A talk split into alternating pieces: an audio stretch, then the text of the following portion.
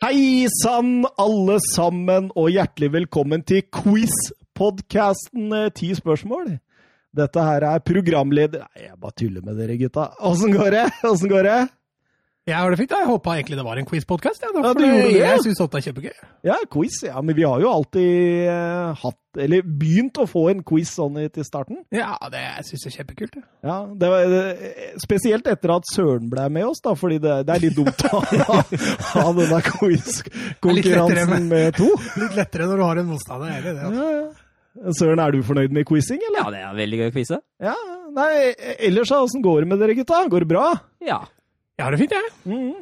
Har du det fint? Du har vel Nei, vært jeg, på jeg vet hva, hvis jeg sier mye feil i dag og sånn, så er jeg ekstremt trøtt, fordi eh, jeg så Tottenham-kampen i går, og så måtte jeg selvfølgelig se, se Manchester United eh, sitt nydelige oppgjør med Burnley etterpå. Jeg skjønner du ble trøtt av de to kampene. Ja, altså. men, men, men da blei jo klokka ganske mye, ikke sant? På Tottenham-kampen gikk jo ikke i opptak før klokken eh, halv elleve. Så da blei jo klokka to. Og så våkne, så la jeg meg i to-tida, og våkna sånn tilfeldig i firetida. Jeg fikk ikke sove videre. Eh, dro ned på eh, trenings, ja, på treningsstudio i Oslo. Sånn i eh, femdraget. og starta dagen. Så det, det, dette kan bli gøy, altså. Bra du ikke skal quize i dag sjøl, da. Ja, det er godt jeg holder quizen, og når dere snakker om det, så har jeg forberedt ti spørsmål, jeg, da. Ja. Eh, her er det bare egentlig førstemann til mølla når jeg har lest opp spørsmålet. Dere kan eh, rope navnet dere når som helst i løpet av eh, spørsmålet. Hvis du tar feil, ingen minus, sånn som den fæle Mats Granvold har. Men her får du bare null poeng, og turen går over til nestemann. Og så er det bare om å gjøre å få mest poeng. Og i dag er jeg full av kjærlighet, så derfor er premien en kjærlighet. Good. Ja. Skal vi bare sette i gang quizen, eller? Ja. Ja, ok. Spørsmål én. Jeg må ha penn, vet du, for jeg må notere eh, poengscoren her, sånn at det ikke blir feil, sånn som sist, Mats. Ja, Det er sant. ja. Altså. Ah, korrupsjon. Korrupsjon. Spørsmål én. Han er i dag Liberias president. Mats. Ja. George Vea. Oi, oi, oi, Mats, der er du rå.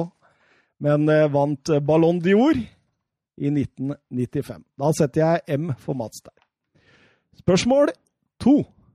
Nottingham Forest vant eh, Mesterligaen to år på rad på slutten av 70-tallet. Mats. Ja. Nigel Clough. Oi, det er søren! Hva sa han? Ja, jeg kan lese videre på spørsmålet. Nei. Nigel Brian Clough. Hva heter den legendariske treneren deres? Nei, da sier jeg jo Brian Clough. Ja, det gjør det. Jeg sa svaret etterpå! Nigel er jo sønnen. Det stemmer. Ja, ja. Så da blir det Søren der. 1-1. Nummer tre. Mourinho gjorde sitt første kjøp som Tottenham-manager da han henta landsmannen Gedson Fernandes eh, denne måneden. Hans første kjøp som Chelsea-manager var i 2002. Det var også en landsmann av Mourinho. Mats. Men hvem? Å, det er jo det. Carvalho.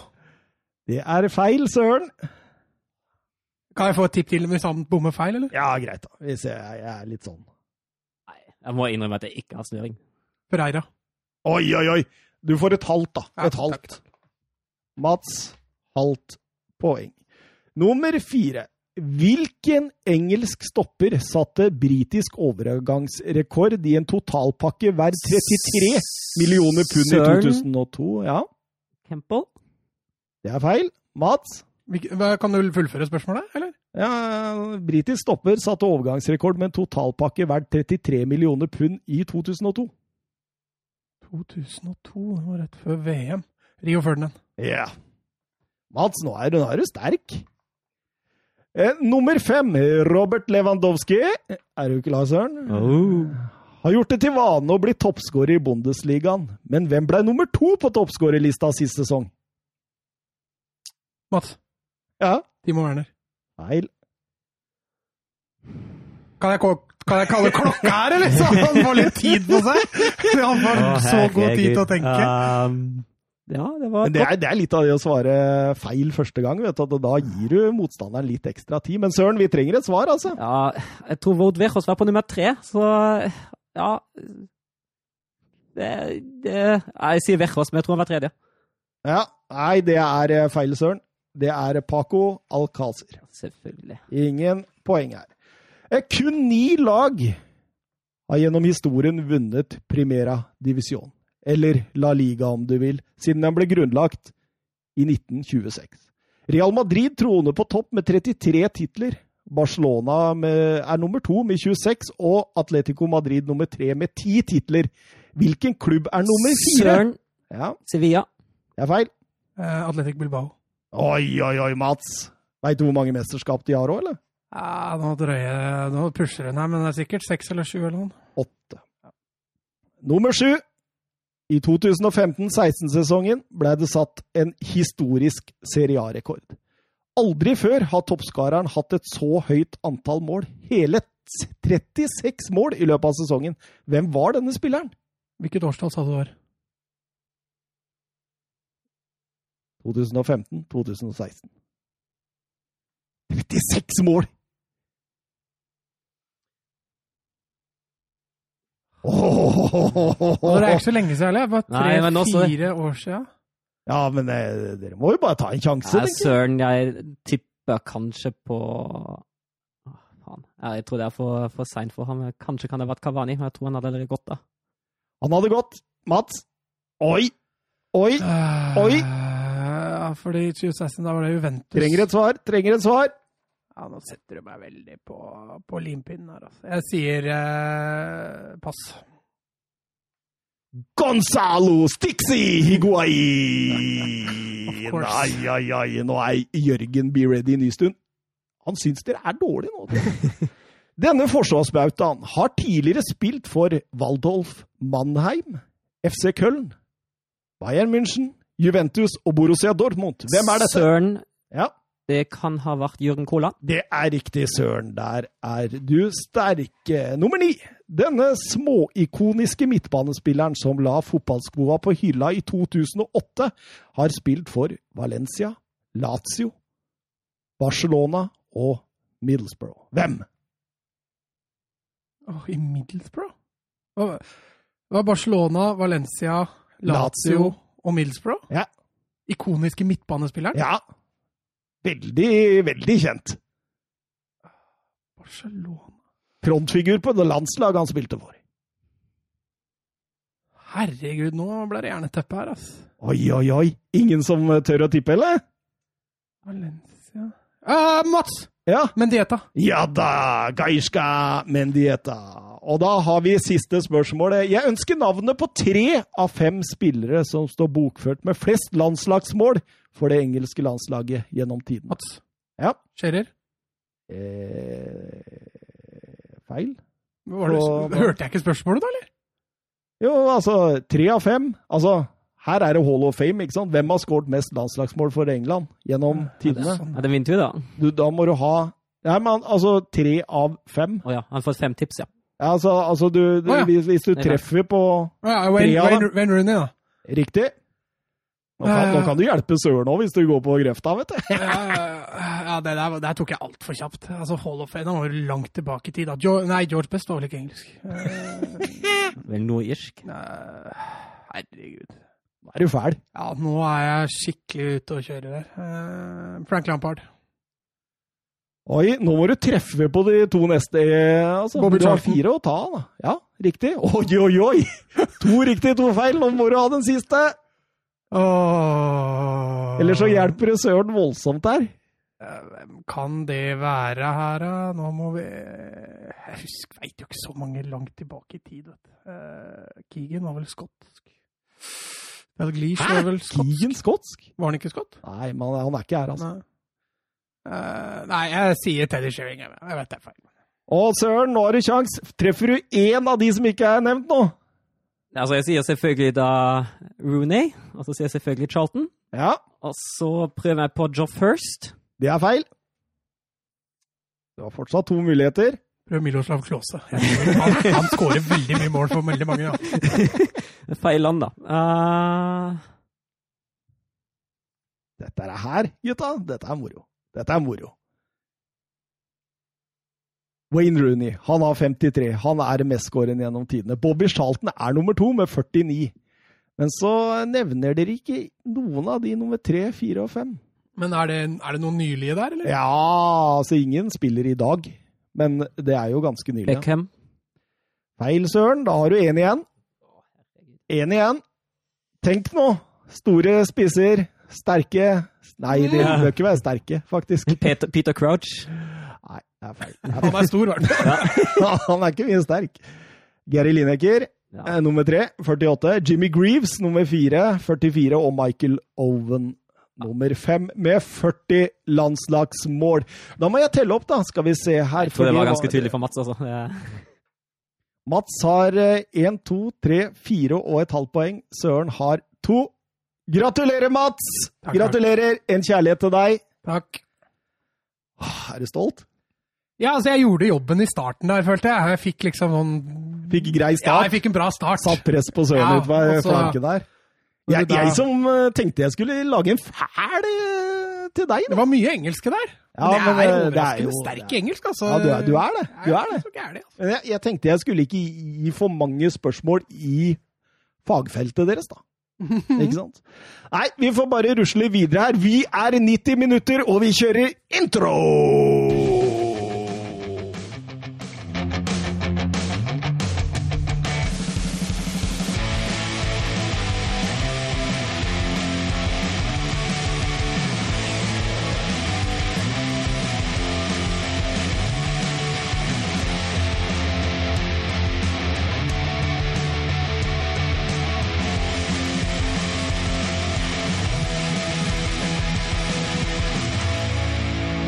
Ja da, ja da, ja da, der var vi i gang, og eh, jeg glemte egentlig eh, Jeg har en sånn 90 minutter beklager. Eh, postkassa mi blei stappfull eh, da jeg sa at eh, det finnes jo ikke noe det den forrige episode. Det gjør jo selvsagt, og jeg har jo til og med vært der. Men da er du også mer med på at det er minuspoeng til deg. Eh, ja. Du sa feil stadion, ja, rett og slett. jeg, jeg gjorde det, men, jeg, men inni hodet mitt så mente jeg det del. Ja, jeg skjønte, Ja, ja. jeg skjønte det. Så det Ja. Men eh, jeg, jeg skal ikke være sur for det enda. Det er, nå har det gått halvannen uke, tror jeg. Jeg Kjente, kjente på det i helga, faktisk. At det, var, Men sa du hva det var? Eller det, den? Eh, det er Millwall sin eh, hjemmebane. Ja. Eh, jeg var der for å så, se Harry Kane når han var utlånt fra Tottenham til Millwall i sin tid. Du scouta, rett og slett? Ja, altså Jeg skulle vel på Var det Tottenham Arsenal eller noe sånt på den søndagen der? Og lørdagen så hadde vi valget mellom et par sånne godbiter innad i London. Jeg tror blant annet det var Chelsea, men vi fant ut at du, vi drar på det den. Eh, myteomspunnet arena i forhold til dette med hooligans og sånt, vet du. Mm. Så nei, det, det var en fin opplevelse. Det var ikke så god stemning som jeg håpa på, men eh, det er kult å ha vært der, da. Ja. Eh, I dag eh, så er det jo vi, vi pleier jo å begynne med Premier League. Eh, Men nå er Premier League ferskest, for vi tar rett og slett og dropper Premier League-runden som var i helga, og så tar vi den som var nå i midtuka. Altså den sluttføres vel eh, nå med kvarter, og da begynner vel den siste kampen der. Liverpool eh, Wolverhampton, eller Wolverhampton-Liverpool. Den spilles vel på Molineux. Ja. Eh, så vi, vi begynner rett på de gråse. Bundesliga. Åh, søren, søren. Jeg gleder meg hele fredag, og så kom lørdag. Og så, ja. Du begynner å vippe i bordet her, Mats. ja, det er ikke meg. Uh, søren, vi, uh, vi, vi kjører rett på, vi, med fredagens oppgjør mellom Schalke og Borussia München-Gladbach. Den regner jeg med du så, Den så, ja. Det stemmer. for det er den eneste Bundesliga-kampen som ble spilt uh, den fredagen. Ja. Og så var det en ganske gøy kamp å overvære, syns jeg. Uh, syns det er ganske jevnt noenlunde i første omgang, i hvert fall. Uh, Schalke kommer riktignok best ut. Jeg syns også Schalke har, har fordel. Jeg syns Schalke, særlig Raman, er god til å, til å true bakrommet til Mönchenglattberg. Uh, og så syns jeg også Schalke uh, lykkes best i å, i å presse høyt. Det, så lykkes de også best i å spille seg ut av uh, Mönchenglattbergs press. Uh, men Mönchenglattberg skaper jo noe, de òg. Det er jo uh, Gregoric som har litt sånn den historien av, av kampen. Han, uh, Han blir jo lånt nå fra Schalke. Kom, eller fra Augsburg, han kommer til Schalke nå. Han ville egentlig dra i sommer. Da sa Augsburg nei, for de fikk ikke et tilbud som var godt nok. Og så ble han bare brukt i hele seks seriekamper av Augsburg i høstsesongen. Og så ble han uh, Og det var null mål. ja, null mål. Ja. Um, og så ble, kom han jo med sånn furteintervju da han eh, kritiserte klubben og ble skikkelig forbanna for at han ikke fikk gå. Uh, Ja. Så ble han suspendert, og ikke brukt igjen. Altså han suspendert bare for én kamp, men han ble ikke brukt noe mer. Og så har han jo en kjempesjanse allerede etter fem minutter, som han egentlig må skåre på. Og så går det jo bare oppover derfra. Han redder på streken etter, etter 37, etter et, etter et hjørnespark, og så har han assisten før 1-0, og så skårer han 2-0 sjøl. Ja, Og det var bra debut for ham. En god debut å redde på streken, ha en assist og skåre et mål, Mats. Hæ? Da er du på jobb, da. Da er du på jobb. Eh, veldig imponert over Schalke, altså. Veldig imponert over det Wagner. Nå har de ligget med brukket rygg siden Tedesco eh, forlot mellom, med halen mellom beina. Eh, Wagner har endelig fått dette opp å gå. Det er et solid lag. Det har blitt veldig solid. Altså, ja, altså han har utvikla spillere. altså Se på Serdar, eksempel. Han er jo en av Bundesligas beste midtbanespillere. Men du ville ikke ha han med på halvårets lag, som du kalte det? Nei da, men det er jo fordi men det er mye Det er jo god kamp om plassene der, da. Ja da, ja da. Men fantastisk, eh, fantastisk, altså. Og nå, nå pusher de Champions League-plass, eh, Søren. Ja, det gjør det. Og hvis de fortsetter å spille sånn mot Mönchenglattberg, da kan de klare det. Fordi det, det var virkelig en overbevisende kamp mot et ikke dårlig lag. Altså, Mönchenglattberg har nok ikke den beste dag, men de er jo, de er jo godt lagt, jo. Og jeg syns hele Altså, jeg syns egentlig Schalke er best sett under ett i begge omganger, og da klares de andre, selvfølgelig. Men eh, jeg syns det er en fullfortjent Schalke-seier, det her. Mm. Men, men, men husker du ikke, Mats, i, i var vel oktober-november, så drev vi og snakka om eh, har vi putta Schalke for høyt, eller, på tabelltipset vårt? Eh, nå Er det kanskje litt lavt? Er det litt lavt, eller? Ja, vi får se. Det skal fortsatt spille spilles en runde, da. Ja, det, det, det Men- skal det. Men Nybel, er han, er fortsatt suspendert? Eller? Ja, han er én kamp til, men så diskuteres det jo nå. Altså, nå Markus Schobeth var bra. han, var- han var god. Han Ja. var jo, han var jo han var jo god uh, i de fleste kampene han spiller. En, en dårlig involvering mot Wolfsburg som ga baklengs, men ellers har han vært, han vært veldig solid. Og så kom jo han agenten til Nybel kom jo nå på banen og klager litt over at uh, ja, nei, hvis, hvis Nubel ikke får spille nå, da får han bare Altså, han fullfører jo han fullfører kontrakten, og det er bare hans ulempe at han fullfører kontrakten i Schalke. Men altså, Schalke fullfører kontrakten uansett, men jeg skjønner veldig godt at Schalke ønsker å heller bygge opp en ung keeper som de vet de satser litt på i, i en stund framover, Ja, istedenfor å altså, bygge opp Bayerns nye keeper. Altså, det, Selvsagt! de, de ligger jo altså, på altså, Det er ikke sånn at Schubert er kjempemye dårligere enn Nubel heller, så jeg synes det er en helt forståelig Er det ikke ett fett, da? Man sitter på benken i Schalke eller på benken i Bayern. Spiller vel ingen rolle. Tjener kanskje litt mer penger i Bayern. Men, men, men er det, altså, eh, uten at Eriksen er klar for noen annen klubb, det er jo litt av det samme som har skjedd. Altså, han har jo eh, fått plass litt lenger bak i køen i Tottenham-hierarkiet òg. Mm. Og det er jo fordi altså, du, Han du spiller spiller deg ikke neste Ja, men, men ja, Du er så lei. Men uh, vet du hva? Altså, det, det, handler jo om det at altså, du, du må jo utvikle laget. Og da utvikler du utvikler jo ikke laget ved å bruke spillere som ikke er der neste år. Men det var en kjent person som var uh, ny reservekeeper da på Schalke. Så du hvem det var, eller? Nei, hvem var det? Jo, det var han Vålerenga-keeperen. Ja, det var faktisk mitt neste spørsmål. For han godeste Mikael Langer, vet du. Ja, stemmer det. Men Toddy Baa satt vel der òg? Gjorde han ikke det? På benken? Han er vel utlånt fra Barcelona? Ja, han har det. Ja, det stemmer. Altså, så har Ja, de, ja. de har til og med fått kjøpsklausul på 25 millioner euro, tror jeg. Jeg syns det er et merkelig Eh, Men, men eh, Marco Rose, nå er eh, sesongen i ferd med å ja, vi, vi trodde nesten de skulle kjempe om tittelen, vi, men eh, Nei, Jeg tror ikke de gjør det. Eh, jeg, tror, jeg tror de havna blant topp seks. De, Nei, men Det var ikke så lenge siden vi satt her og sa de ble topp fire.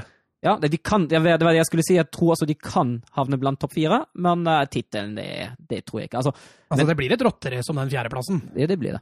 det blir det. rotter det som tittel nå, tror jeg. Ja. Ja, ja, men der blir det et skille, tror jeg. Ja. Uh, fra, tredje, fra tredje opp til første, og, fra, Ja. og den fjerdeplassen. Ja. ja. Jeg er helt enig. Eh, Patrick Herman han ble tatt av Ja, til for- fordel for uh, Florian Neuhaus i det 59. minutt. Og Og, det er- han satte en liten rekord. Ja, han, det er altså. Bundesliga-historie. 140 første gang at han blir bytta ut, og han knuser da rekorden, den tidligere rekorden til Halil Altintopp, blant annet Schalke. som Og Real Madrid. ut. Som ble bytta ut eh, 140 ganger. det var du rask på, Mats. Vi går videre. Augsburg mot eh, Borussia Dortmund. Og eh, er, er det bare å hoppe rett på Haaland, eller? Nei, altså Jo. Jo. Nei, det skjer ting Jo. før Haaland kommer inn der. Altså. Vi hopper rett på Haaland. Vi gjør det. Altså, Det er greit nok, det. ja. Vi, vi, vi kan gå raskt gjennom, da, Søren. Du og, du og Eivind Bisgaard eh, Sunde, vet du. Augsburg eh, leder 3-1 når Haaland kommer inn. Eh, ja, altså ønsker jeg å si uh, Ja, du, du ønsker å si Ja, det. Det, si er eh, derfor programmene våre blir tre timer lange, Søren. Ja, greit. Eh, til, hull til Florian Niederlechner, som, uh, som nå er opp i, i 19 målpoeng for Augsburg denne sesongen. Godt jobba. Skåra to mot Dortmund. Ja, Det, vi. det var hyll, hyll. Det var din lille hyll, hyll. Det var en lille hyll-hyll til en annen spiss som gjorde en bra kamp. Ja, ikke sant. Han skårte to mål, Søren. Ja, dritbra, Søren. Bare to, ikke Og han spilte hele kampen, liksom. For godeste Haaland. Erling Brauten sjøl. Han kommer inn, han. Og eh, ja, det, jeg, jeg mangler nesten ord, Mats. Men, men, eh, men hadde han kommet inn til pause, så hadde han skåra tre til. Ja, For det Augsburg-forsvaret der, Ja. det var som lagd, ass! det jo For Erling Braut Haaland. Og det er jo noe av problemet til Martin Schmidt. Han klarer rett og slett ikke å tilpasse seg utviklingen i kampen. Hans in game coaching er kanskje det dårligste i hele Bundesliga. Det er helt vanvittig hvor ensidig han er. Han har bestemt seg for én ting, og så kjører han det på. Uansett hva som skjer på motstanders side. Ja, for den forsvarsfireren til Augsburg, på to Eller på tre, på tre Jeg kan godt trekke fra det første, men ja, det var eh, Det er så mye bakrom, og det er Erling Braut Haalands favorittrom, altså. Men, men, men er ikke dette altså Jeg tenkte de eh, to eh, type målene han skårte, bakrom og tap-in. Ja, er det er- det, er vi det. kommer til å Ja, se Er det han står for? Ja, det kommer vi til å se mye av, tror jeg. Jo, jo, men det som jeg altså, vi, har ikke, vi har kanskje ikke snakka så mye om, om klubbvalget hans, at han endte opp i Dortmund, kontra alle de andre valgene han hadde. Men altså, Dortmund, da, som søker så mye bakrom i i hvert fall i sluttspillets faser, da, så tror jeg dette er eh, hånd i hanske. Altså. ja, Ja, jeg tror det. Absolutt. Hvor lenge tror vi han blir? Nei, det er hvor lenge er det overgangsvindu, da? Real Madrid er der snart, vet du. Han får ikke lov å spille her for mer enn to klubber i året, vel. Så Kjøper jo bare folk under 20 år eh, i hovedstaden i Spania for tida. Ja, de er eh, billige på nå. Ja. Men uh, veit dere hvem, hvem vi, altså det er til Haaland er den syvende debutanten som uh, skåra hat trick i første kamp. Uh, den første som riktignok gjør det som innbytter. Hvem vant forrige? Veit dere det? Hvem Det som skåra eh, forrige hat trick som ja, debutant? Ja, ja, det var Aubameyang. Ja, mot hvem? Mot Augsburg. Borte, ja. Det stemmer. Med drakt nummer 17! Med drakt nummer 17, det stemmer. Ja. Og, så, og hvem var den siste nordmann som skåra hat trick i Bundesliga? Jan Åge Fjørtoft. Nei. Moa. Moa Abdelau i 2011 mot Werder Bremen. Der han nå Vant 3-2. han har jeg vært og sett på uh, Hamburg, i Hamburg mot uh, Hanoffer i en såkalt uh, vennskapskamp. Eh, eller det var ikke vennskapskamp, men det kalte det vennskapskamp. Jeg tror jeg kanskje har vært innom dette før. Didrik Tofte Nilsen han eh, skriver en eh, twittermelding til oss. eh, Haaland, Haaland, Haaland, står det. Hvor mange mål tenker vi han kommer på resten av sesongen, og er han det største talentet Norge noen gang har hatt, større enn Carew, Iversen og Solskjær? Skriver han talent, eller skriver han spisstalent? Spisstalent, faktisk. Ja. Da er det litt mer tilbøyelig. Eh, Jeg mener fortsatt at Tom Lund er et av de største talentene i Norge Jeg veit jo om han var talent, liksom, når han var 19 år. Ja. Ja, ok. Jeg husker jo ikke det, for jeg var jo ikke født. Men, eh, men eh, min kjære far er jo like hardbarka Fugla-supporter som jeg var, og Tom Lund kunne blitt god i veldig mange idretter. Som jeg var, hørte du det? Ja, trist.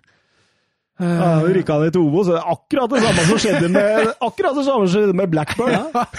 Skal bare finne meg et annet lag som eh, bare- bare Juventus har jeg hørte gjør det bra for tida.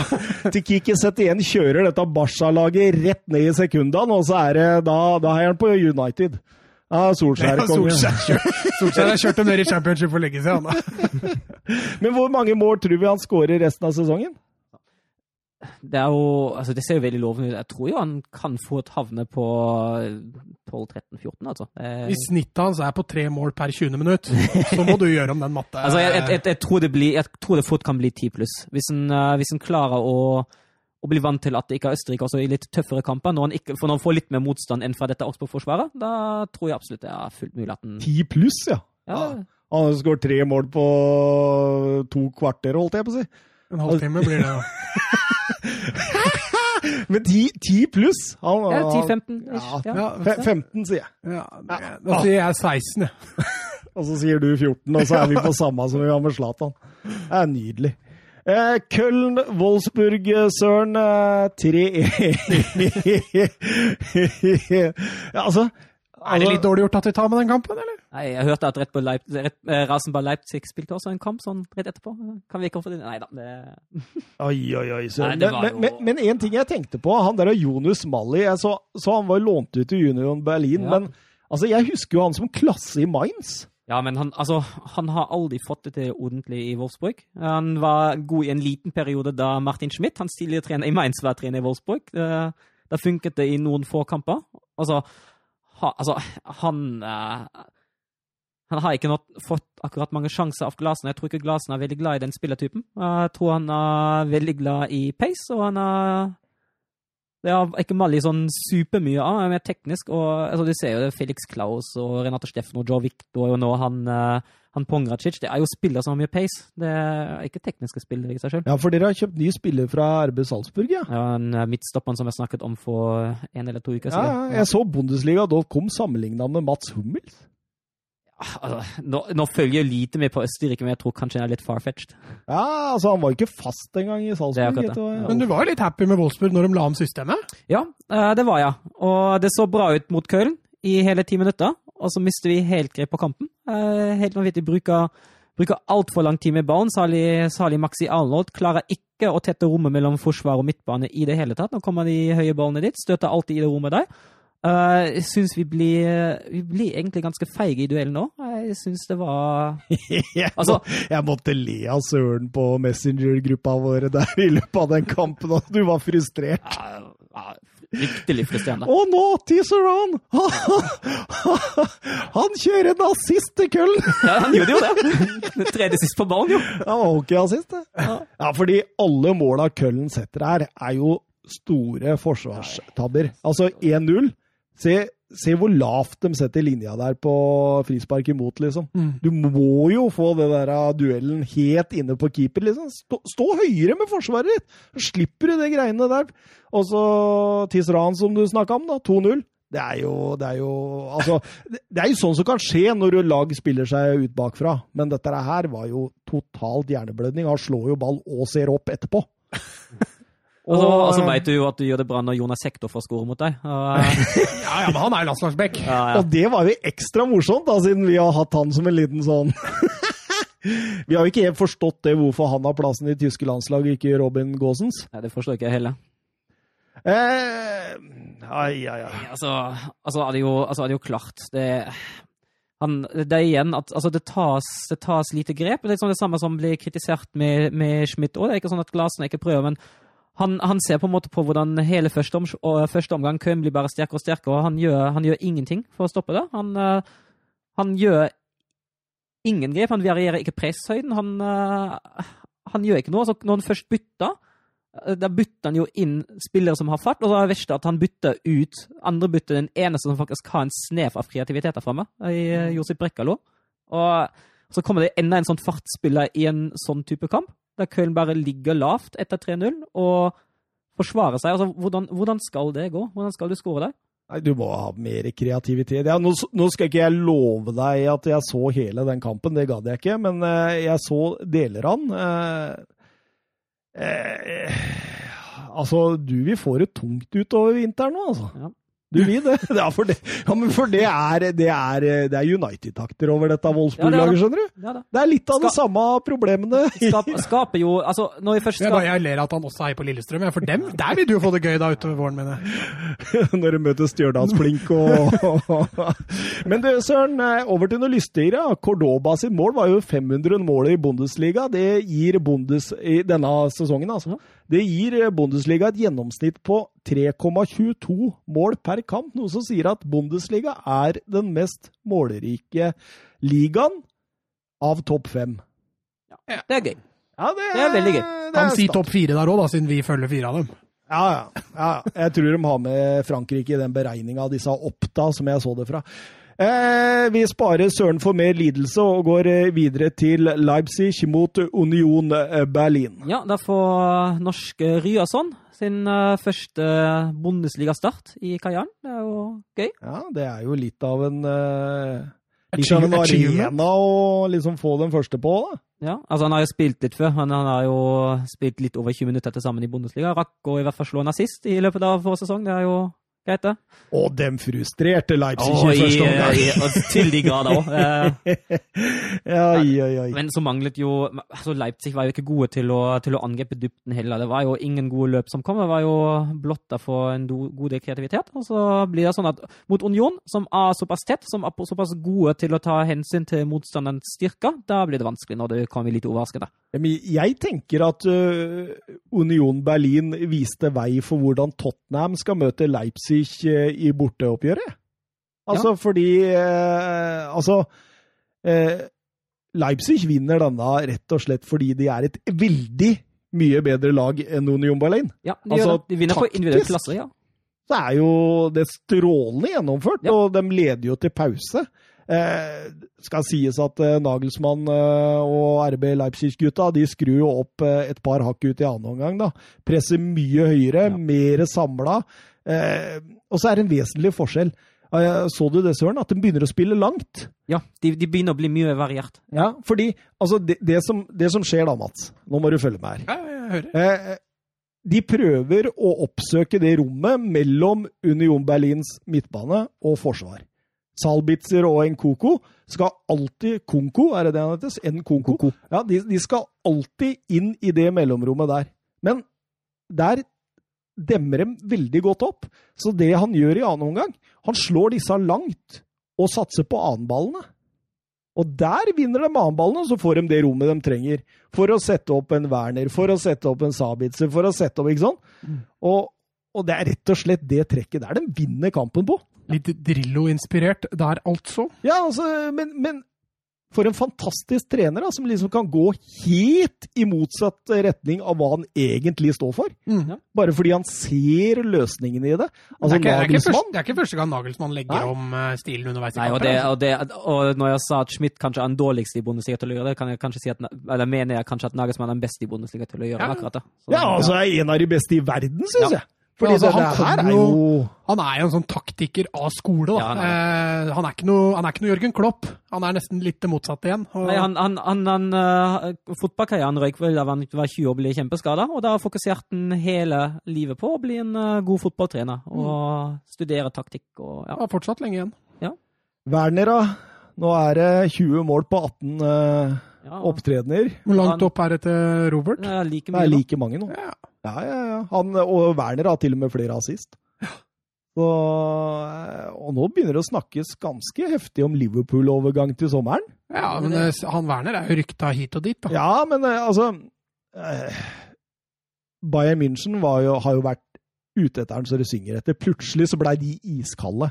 Det er jo fordi de har fått en nei fra RB Leipzig.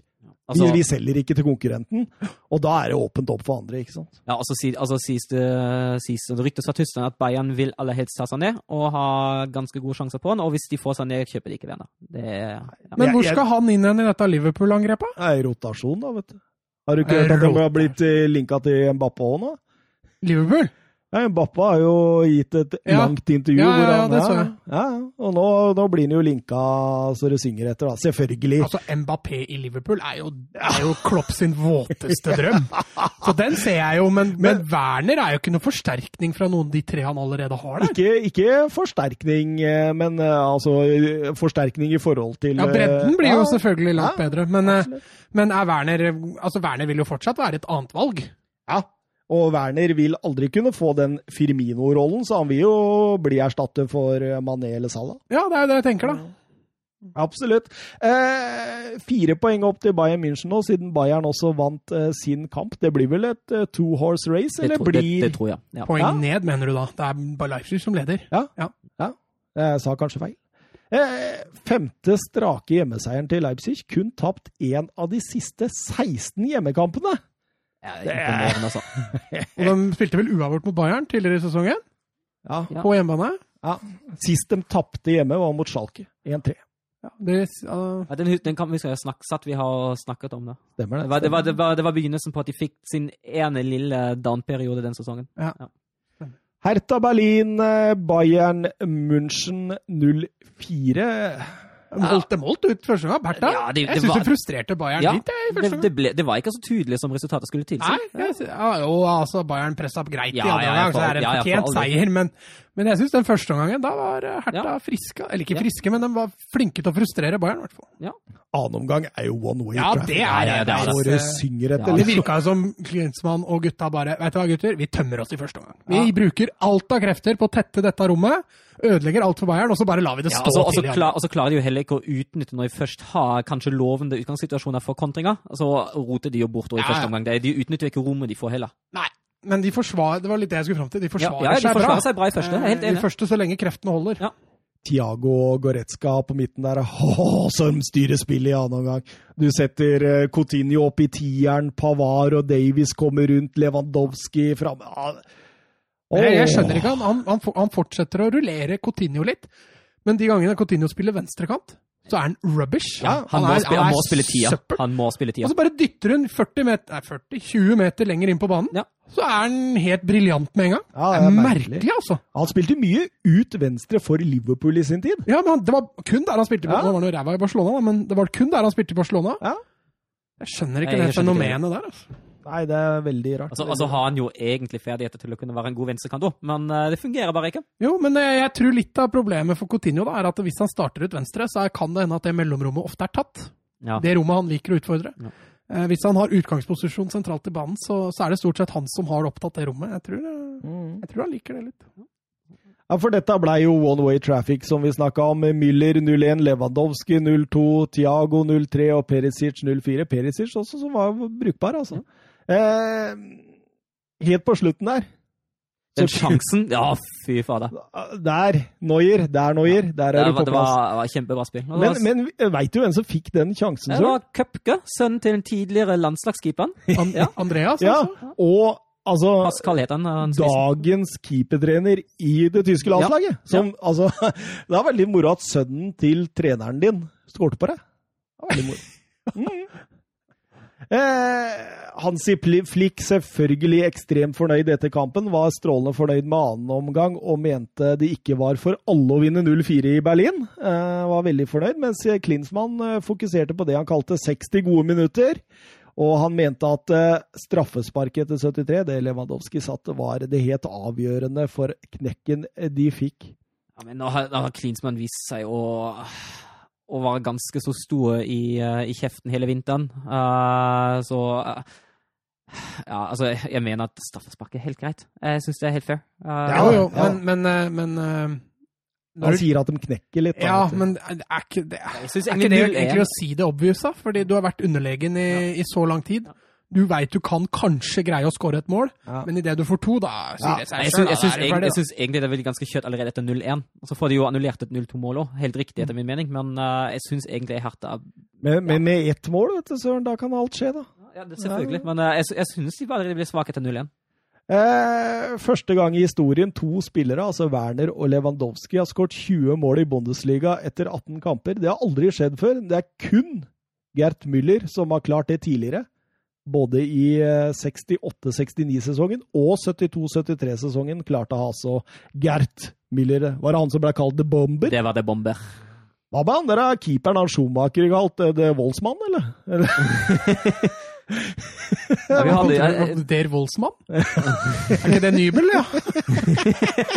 Ja, men han hadde en sånn han Schumacher, og hvem var det på? Var på jo, han den franske Batiston. Ja, ja, ja. ja. Kahn også. Faen, mange Ja, gærne tyske keepere. Kahn så var jo gæren. Ja, Lehmann, da! Ja, Lehmann. og for å snakke om tyske Ja. keepere, det er jo spik spenna gærne hele gjengen. Ja, der må du gjennom en mental skole, tror jeg, for å få lov å stå i mål. Altså. Det tror jeg, altså. Rekord for Neuer òg, apropos eh, tysk keeper. Ikke så gæren som eh, de eh, vi har nevnt. Eh, holdt 15 clean sheet mot eh, Hertha Berlino. Det er ingen gang ingen keeper i Bundesliga med flere clean sheet mot en singel motstander. Og så har Thomas Müller nå opp i 250 målpoeng i Bundesliga òg. Målpoeng. Målpoeng, altså mål og assist. Ja. Vi må raskt innom Paderborn eh, Leverkosen også. Den er Eh, jo kjøtt etter hvert. Ja. um, Det, det, de viktigste altså, det, det, det er jo det du nettopp sier der, at de eh, kjører jo over Paderborn i første omgang der og leder jo 0-3 til pause. og Så de har så mye spennende spillere. Offensivt. Ja, en defensiv òg, selvfølgelig, men, men veldig mye bra offensivt. Ja, og altså- når Havertz liksom får litt ting til å gli. Da. Ja, for dette var Havertz kamp! Ja, det var bra. Åh! Åh! Det, det er fint. Det, det er godt å se. Han hadde jo en veldig tøff høst. Det Ja, ja, ja, at jeg syns han har vært ræva, jeg. Ja, jeg synes det. Altså, men det er jo litt med forventninger nå, da. Men, Ja, ja, men han har vært svak. Altså. Ja, nå blir linka til Liverpool. Det er voldsomt mye og links dit. Ja, eh. vel den første scoring han har også siden slutten av september, hvis jeg ikke tar helt feil her nå. I hvert fall i Bundesliga. Ja, det har vært Solskjær. Det har splatta en milliard, sendt Henta han. Ja. Det er liksom, det er spilleren han trenger. Altså. Ja, han trenger en sånn type, ja. Det er ingen tvil om det. Så syns jeg eh, Paderborn blir jo felt av det som, som de vanligvis blir felt av. De er jo, eh, de er jo veldig forfriskende at de kjører Litt gjennom sitt, ja, spiller, spiller gjennom sin spillestil, men altså, det holder ikke altfor stort strekk i laget som Leverkosen fint klarer å utnytte. De presser dem, eh, altså Leverkosen presser Paderborn høyt, Paderborn takler ikke det helt. Så er det individuelle feil bak der òg. Altså, det er ja, det, det er som det er. Da taper man fire mot Leverkosen. Men de har en god fase på ti minutter i andre omgang. Jeg syns Diabu var veldig god. Ja. Eh, Demir Bay, det er det beste jeg har sett han i Leverkosen eh, etter overgangen fra Hoffenheim. Jeg syns- Baumgartlinger kommer på. Ja, Ja, første mål i sesongen. da har du dagen. han har ikke skåret siden 20. januar 2018, han. Ja. Så da, da, da glir jo, ja, men uh, sittende midtbanespiller altså, Når var det sist Ja, forbinder jo ikke så lenge siden han skåra, men Nei, eh, nei, Erik Busquets, da. Han Erik skårer. Dyer skårer litt, og uh, Busquets Ja, ja det der. Nei da, det, det, det hender, men uh, Nei, men Poenget når, når din defensive midtbanespiller skårer, da veit du at du som regel har dagen. eh, Peter Bosch, ny rekord eh, Nei, ny rekord, sier jeg. Ny, Ny kont- kontrakt. ny kontrakt til 2023. Eh, slo seg opp i Ajax, nedtur i Dortmund. var det ikke bare til 2022? Jeg tror det var 2022. Ja, det var 2022, ja. Ja, det. ja, det kan godt hende. Eh, ledet Leverkosen i 35 kamper nå, siden han eh, tok over i desember 2018. 20 seire, 5 uavgjort og 10 tap. Tror vi Bosch er mannen til å ta dette laget videre? Vi har dem helt opp på tredjeplass. Altså. Ja. Men hvis du ser det laget Det, det er jo som du sa Mm. når vi Det er mye spennende der, altså. Altså, hvis de, hvis de klarer å, å bli litt mer stabile, da tror jeg det. Det er jo det som, det som Leverkosen har slitt med, at uh, altså, toppnivået er ganske høyt, men bunnivået er altså ganske lavt, og bunnivået må litt opp, og da, da tror jeg det kan bli bra. Men det, det må Bosch fortsatt vise at den kan. Det, det er litt det det går på. Hvis vi skal vise oss som en anstendig podkast med sånn relativt eh, OK lengde på programmet, så eh, må vi kjøre videre til La Liga, Mats. Og der eh, møtte Real Madrid Sevilla til match. Vi har snakka mye om VAR i Premier League i det siste, men jeg syns VAR var ute og kjørte i denne kampen, Mats. Ja, den eh, første Altså det som kanskje burde vært 0-1 der, den, den var omdiskutabel. Eh, han får vel frispark mot seg for, å, for en sperre, kan vi kalle det det? Det er en god, gammeldags sperretrekk. Ja, men det er jo en ufrivillig sperre, for han ser jo ikke at han kommer løpende der. Nei, Det, jeg ser det er flere som har hevda det, at eh, han tar det steget og sånn. Jeg, jeg kan ikke se det. Nei, jeg har ikke sett den reprisen så mange ganger, men for meg ser den veldig uskyldig ut. Eh, At Luke de Jong beveger seg bare veldig smart. Eh, Ja, han, han, han beveger seg bak han Goodale, og han ja, Det er jo et sperretrekk. Det er sånn, og, og Militao han løper jo rett inn i den. At, at det VAR kan annullere noe sånt, det er helt på trynet, spør du meg. Det er helt på trynet. Nei, jeg er for så vidt enig. Eh, jeg syns faktisk det er mer straffe til Sevilla på corneren. Fordi eh, hvis du ser så Marcelo her, han holder jo igjen eh, Fernando så det synger etter i forkant der. Så eh, hvorfor men, da er spørsmålet mitt hvorfor da dømmer de ikke straffe på den holdninga? For den er jo klarere enn den sperra. Jeg veit ikke hvorfor. Altså, det er Ja, jo det er så rart. det er to forskjellige situasjoner i én situasjon, kan vi kalle Ja, det. men, eh, men det er lov å holde, men, men den- ikke å sperre? eller? Hvorfor den prioriterer å ta den, det, det er et eh, godt spørsmål. Men jeg Uh, Nei, Real Madrid Jeg føler Real Madrid var litt heldig akkurat der. Selv om han sikkert kan forsvare det. Ja, han kan sikkert det, og det prøvde jo Zidane på etter, eh, etter kampen der, så jeg òg. Han eh, sa jo det var helt rett av var, men eh, Zidane har ikke peiling. Nei, altså jeg, jeg, jeg tenker jo det at enten så sier du da at eh, vet du hva, i denne saken er jeg subjektiv, Inhabil. eller, ja, eller så er jeg en klovn. så kan man så, så, så, så skal man jo velge. Eh, Svak førsteomgang av Real, syns jeg. Eh, Ja, Sevilla fikk lov å trille overraskende mye ball. Ja, absolutt, absolutt. Men det laget de stilte òg, da. Det var uten Hazard, det var uten Benzema. Benzema på benken. da. Bale var ikke der, Valverde var ikke der. eh, Ramos mangla jo bak. Ja, Ramos, eh, hvis ikke jeg husker helt feil, så er jo han suspendert. Eh, Valverde sliter med skade. Benzema har akkurat kommet tilbake fra skade. Bale ble jo bare vraka. Hazard er jo fortsatt skada, så de, de sliter jo litt på posisjoneringa der. og og en Rodrigo Jovic og Lucas Vasques altså Han kjører nok inn Vasques fordi han ikke tør å kjøre Venitius. Eh, og at det da blir en veldig ung trio der framme. Eh, nå skal det sies at Vasques var jo ikke noe sånn supergod, så det hadde kanskje ikke gjort noe, men eh, Nei, den førsteelveren til Real Madrid der er en av de svakeste de har hatt på, på veldig, veldig lenge, tror jeg. Men likevel så klarer dette laget å grinde ut en 2-1-seier i annen omgang der. Ja, men det er dette vi har hylla dem litt for òg, at de vinner kamper som er jevne. De, de, de tipper dette i sin favør, som gjør at de, de kan hende de er en bitte, bitte liten seriefavoritt. Altså. Og Men når, de kommer aldri til å komme vinne Champions League med det her. og når sist skårte Casemiro to mål, Søren? Gjorde han det noensinne? Nei, jeg tror ikke han har gjort det. Nei, Jeg har heller ikke hørt noe, jeg har ikke sjekka det opp. men... eh, Og så var det ene var en rett og slett en spissscoring med et litt eh, løp inn bak det. Ja, og assisten til Jovic, da. Ja, fin Ja. den. Den er også ah, klasse. ja. Men han har jo vært fantastisk denne sesongen. Vi, det var jo en av posisjonene vi var litt mistenksomme om før sesongen. For jeg syns jo fjorårssesongen Mm. til, eh, til Casemiro var jo under pari. Nei, I år har Casemiro vært outstanding, faktisk. Ja, altså, vært, det er eh, verdens nest beste holding midfielder akkurat for tida, Jeg syns jeg. tror Casemiro er en av de første spillere Zidane setter på Ja. Det tror jeg faktisk. Han er er så skal- viktig for det balansen i den uh, treeren og sånn. Mm. Når han skal sette på sitt beste lag, så er Casemiro en av de første han setter på. Absolutt. Uh... ja, nei uh... Luke de Jong skåra, da.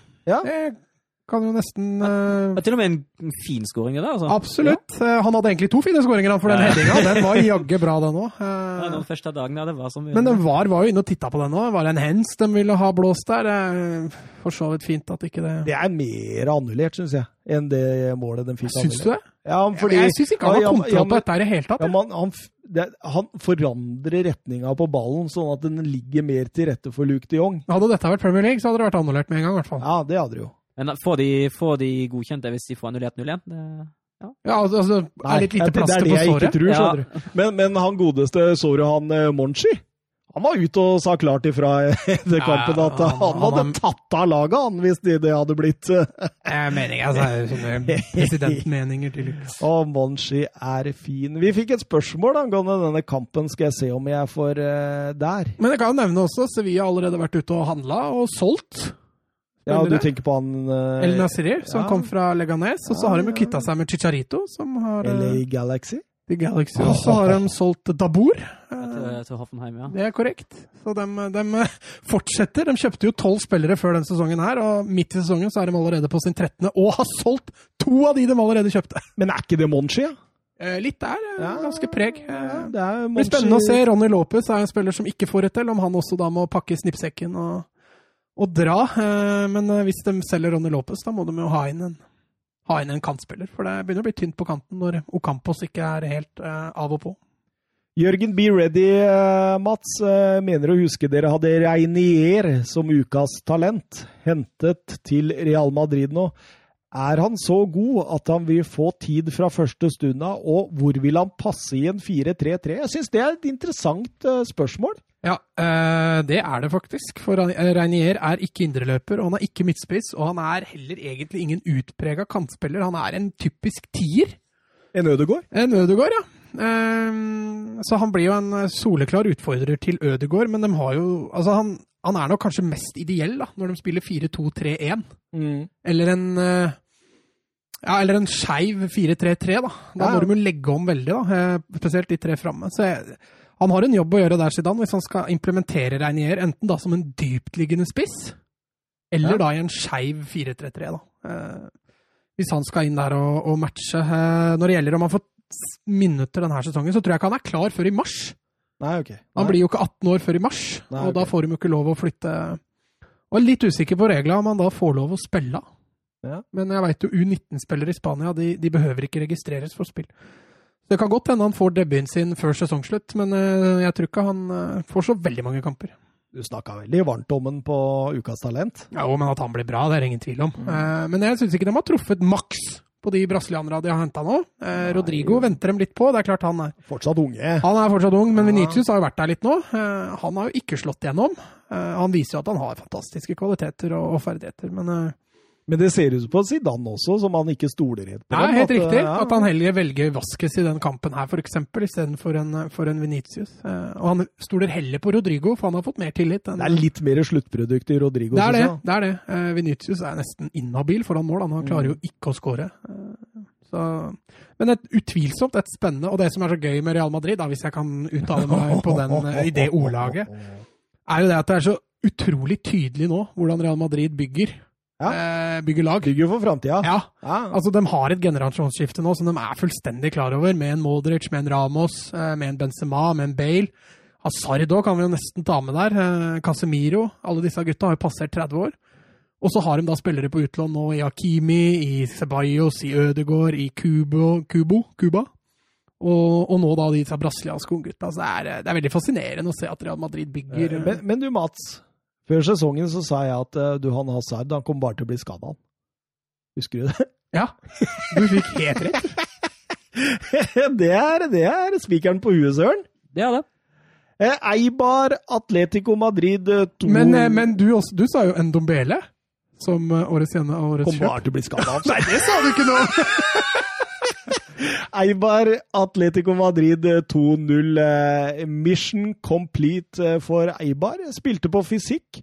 Tar en tidlig ledelse og stenger av bakover. Og i vante tro for Atletico Madrid, så er det like oppfinnsomt som eh, ja, Petter Smart på steroider. Går det an å si det? Nei. Altså Eibar... Hva heter Petter Smart på tysk? Daniel Dusentrieb. Altså Daniel Hva? Dusentryd? Dusentrieb. Å, herregud! Ja, det er så moro med sånne tyske navn, altså. Oi, oi, oi. Eh, ja, Mats. Nei, de mangler en spiss, det er det ingen tvil om. Eh, De, har jo, de er aleine med keeper to ganger i løpet av matchen. Både Felixen får jo en feit en, og Morata får jo en feit en. og- Men Eibar er, som du sier, de er eh, Jeg synes dette er Jeg har ikke sett alle kampene til Eibar i år, men dette er utvilsomt den beste kampen til Eibar òg, altså.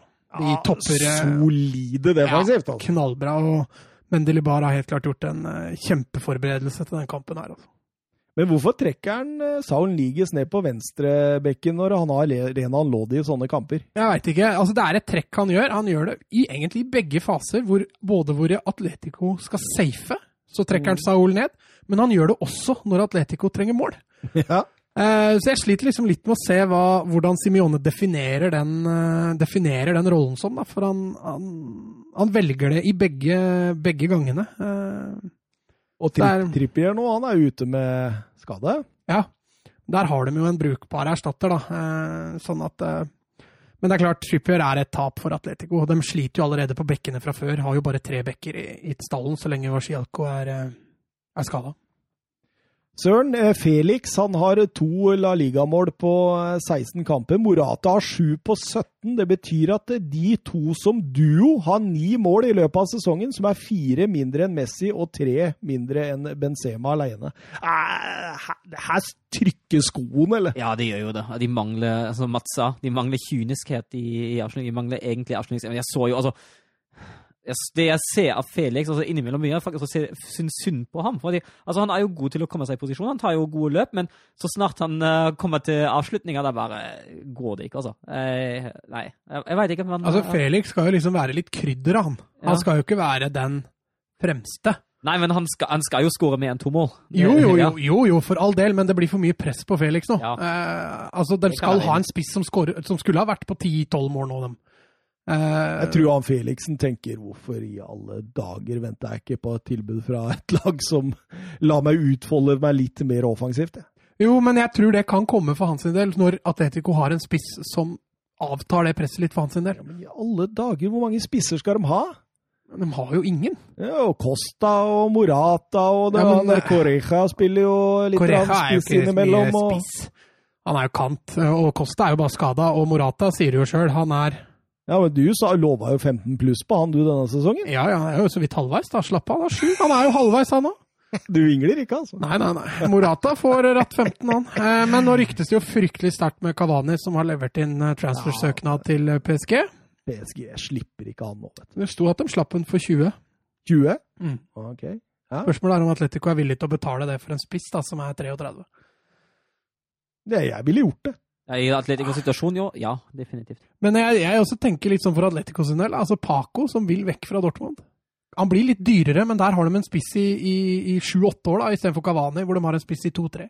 Ja, men så tåler jo Paco veldig dårlig den rytmen med, med tre, kamp, tre, tre dager på kamp. Altså, han, han, han, Fysikken hans er jo ikke til stede. Han er jo egentlig bare småskada hele tida. Ja.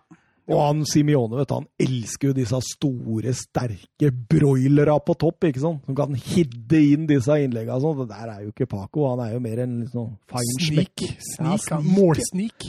Eh, du, Mats. Eh, Atletico har sluppet inn 42, mål, 42% av målene imot utenfor 16-meteren. Det er 6 av 14 mål imot. Sier det noe om at Oblak er svakere fra lang 12? Lang 12. Ja, at altså, han blir jo skutt mye på fra lang 12, da, Ja, det går men det, dette er også en av måtene å angripe Atletico på. At kanskje lagene rundt er blitt litt mer bevisste på det. For å bryte gjennom Atletico og spille seg inn til femmeteren der, det, det er nesten umulig. Så at de er blitt mer bevisste på å ta langskudd, det kan godt hende. Så kan, eh, jeg syns ikke Oblak er svak på langskudd, det blir jo helt feil å si. Mm. Men, eh, men at han kanskje er litt svakere der enn det han er på strek, det, det kan nok stemme, det. Det er jo litt sånn som han uh, Rui Patricio i Wolverhampton-målet. Han er jo ekstremt god når skudda kommer fra fem meter, og så med en gang skudda kommer fra 20 og utover, så er han ikke like god. Nei. Uh, ferieøya Mallorca den var eh, kledd i været vi kjenner best fra. Bergen. Men for en kamp! Det, altså Altså, jeg følte selvfølgelig litt med Valencia, men eh, Ja, gjorde du det? Ja, fordi jeg har, jeg har litt sånn Valencia-hjerte. Så. du. Har det, ja. Jeg har litt det. Ja. Eh, men så gøy å se Mallorca. Eh, litt synd at det var så tomme tribuner, men det hadde sikkert litt med været å gjøre. Men så du alle de paraplyene? Ja. for den der var, det, altså det var årets kamp av Mallorca. Ja, de, kommer ikke til, de kommer ikke til å spille en sånn kamp igjen denne sesongen, og de har ikke spilt det før. Men hva driver Valencia med defensivt? Ja, altså øh, jeg, de, jeg følte dem ikke våkna heller. Nei, De, de, de tok liksom ikke dette til seg, når de altså ligger under 3-0 der etter ja, Hvor lang tid det gikk, jeg, men det, 40. Ja. ja. Og allikevel så gjør de mye av de samme feila. Da, Og Diakaby og Gabriel Paulista baki der, det oser ikke trygghet, altså. Det, det gjør ikke det. Eh, Etter eh, De lå jo under 1-0 tidlig etter total hjerneblødning, og 2-0 kom jo etter at eh, Francis Coquelin mistet ballen på 16-meteren. Og da kom jeg til å tenke på noe. Husker du den Twitter-meldinga til Coquelin når han ble lånt ut fra Arsenal til, eh, til eh, Charlton i sin tid? Nei. Nei, det var så moro, ass. Den, eh, den har brent seg på minnet mitt, for det står liksom I'm going to Charlton, ikke sant? Altså Oi, hvordan skal jeg få meg damer nå? den er så bra, ass. Så derfor tenkte du at han gjorde den tabba nå, for da får han seg damer? Nei, jeg, jeg sa at jeg bare kom til å tenke Ja, okay. på det. det. hadde ikke sammenheng med den? Nei, okay. det hadde ikke det, Mats. 3-0. Perla Mallorca, eller? Ja. Å, Bodimir der. og Forspillet, det er jo tikki taka. Det er, eh, det er Diakabi eh, Ja. kåler på Han er ei kål òg. han, er- han er helt klart best som stopper når Valencia har mest initiativ. Og det kan godt hende Valencia har tenkt at her får vi mest initiativ. Men i den første omgangen der så gjorde de det ikke til de grader. altså. Nei, absolutt. Og det ble jo 4-0 også, før eh, Ferran Torres eh, satte trøstemålet. Men det Ja. røde kortet til Parejo Ja, det er et ordentlig Feil. Ja, og men det er, altså, er er noen av de to gule frispark? Altså, han, Kanskje første? han, eh, han er i hvert fall ekstremt frustrert når han går av der, og Valencia legger, har lagt inn en protest, så får vi se om de får den gjennomført. Men eh, altså, det gjorde jo kvelden til Valencia komplett, for å si det på, på negativ måte, da, at han får et ufortjent rødt kort. Og Ferran Torres kom riktignok inn og, og, og, var tilbake fra skade og retter opp litt, men eh, nei, jeg er helt enig. Men, men er det ikke litt dumt at VAR ikke kan gå inn og ta andre gule kort? Ja, det, det syns jeg, òg. jeg har irritert meg over det i Tyskland noen ganger òg. Fordi jeg syns, altså, jeg syns det er greit at de ikke tar det på gule kort, det, det er helt fair. Ja, første men, gule kort. Ja, det er helt greit, men jeg syns egentlig et annet, gul, et annet, gult kort det burde behandles som et rødt kort. Jeg veit ikke hvorfor de, hvorfor de, ikke gjør det, men altså, det tar ikke så mye tid. Det er ikke så mange av de uh, i løpet av en serierunde heller, så jeg syns egentlig det burde være det. Ja, ja, altså det får jo en altså I den kampen her så får du jo ikke en ja, I den kampen her så får du jo ikke en dramatisk eh, konsekvens, men, men etterspillet på det her Mest sannsynlig så får jo Parejo en, en kampkarantene. Mm. I tillegg til at eh, Valencia måtte avslutte kampen med, med ti mann, men uh, de hadde jo tapt uansett. De hadde tapt uansett, men det er litt surt med den karantena. Det må jo være det. Eh, Real Betis, Real Sociedad 3-0. Skikkelig ned på jorda igjen for Martin Ødegaard og co., eller? Ja, det var det. Dette her var en svak kamp. Det, altså, jeg satte meg ned og tenkte dette er to lag som spiller ekstremt offensivt. Dette blir gøy. Det var bare ett lag som det funka for offensivt. Ja, altså Det pasningsspillet til Sociedad var, det var totalt fraværende en Martin Ødegaard som ikke fungerte i det hele tatt, så hadde det vært litt altså Jeg satt og tenkte på det etterpå. Er det Martin Ødegaard som gjør Sociedad bra, eller er det Sociedad som gjør Martin Ødegaard bra? Mm. Fordi i den kampen her så var det jo ingen av delene som fungerte. Eh, men i tidligere kamper så har vi sett Sociedad spille bra fotball, og så har Martin Ødegaard bare vært litt bedre enn alle andre. Ja. Eh, men i dag så fungerte nada. Men, men, jeg tenker også, Søren, at eh, det ser ut som Martin Ødegaard sliter veldig med å komme opp på et nivå når laget spiller dårlig. Ja. Altså, altså, han er jo det, ja, det var litt det jeg skulle fram til, da. Ja, og det, det, det, skiller jo gode spillere fra verdensklassespillere. Det at, de, at verdensklassespillere faktisk vinner kamper på egen hånd. De tar, de tar, altså de tar ansvar når, når, laget har en dårlig dag. De bare lager på sin rygg, men det altså, Nå er han jo veldig ung òg, så det kan jo fortsatt utvikle seg men, til å bli. Men, men initiativene til Ødegaard var jo der. Eh, det var jo bare det at han ikke lyktes. Han spiller bort ballen, han har håpløse balltap. Men han løper jo fortsatt. Jeg er blant de som løper mest utpå der. Eh, så han, han, prøver jo, men, men Han var bedre nå i Sabal og Porto. Ja, det, men du ser liksom spillere rundt den ikke fungerer, og løpet ikke sitter. og Sociedal klarer jo knapt nok tre pasninger før de mister ballen. og det er klart, Da kommer ikke en spiller som Martin Ødegaard til å briljere uansett. Altså, du kunne putta inn Messi òg, tror jeg. Jeg tror ikke han hadde gjort rare forskjeller. Altså. Nei, absolutt. Uh, Betis uh, totalt overlegne, syns jeg. Jeg syns Eh, Real Sociedad er ikke i nærheten i det hele tatt. Det ja, Merino har jo et skudd da, fra midtbanen der, ja, det var, som går i tverrleggeren. Det, det, var faktisk nydelig. Det var det. Det er litt synd at de ikke går inn. Ja, Robles var ganske desperat i tilbakeløpet der. Han, eh, han, skjønte at det var noe dritt på gang, men redda tverrleggeren. Og så syns jeg han Charles Alenia var bra for Betis. Han var strålende. Mm. Eh, litt eh Kanskje... Jeg tror kanskje Barcelona tenker at med sett igjen, så kanskje Alenia hadde vært fin å ha. Eh, så han har kanskje gått på en liten smell sånn sett. Men hvis han får et halvt år nå i Betis og får mye spilletid å utvikle seg, så kan jo han fortsatt komme tilbake igjen. Og det var god glidende overgang, det, Mats, til eh, Barcelona mot eh, Granada og Kike Setiens første kamp etter han tok over for Valverde. Ja. Eh, Tiki Taka det var jo et stikkord alle snakka om etter den kampen, og jeg kan jo forstå det. Ja, altså det var jo mye lovord. altså Dette var en fantastisk start. Dette minner om det ekte Barcelona, og det er jeg for så vidt helt enig i. Eh, dette minner litt mer om Barcelona, men jeg, jeg syns gjennombruddskraften og gjennombruddshissheten i Barcelona, den, den, var, eh, den var ikke så mye til stede. Nei, absolutt.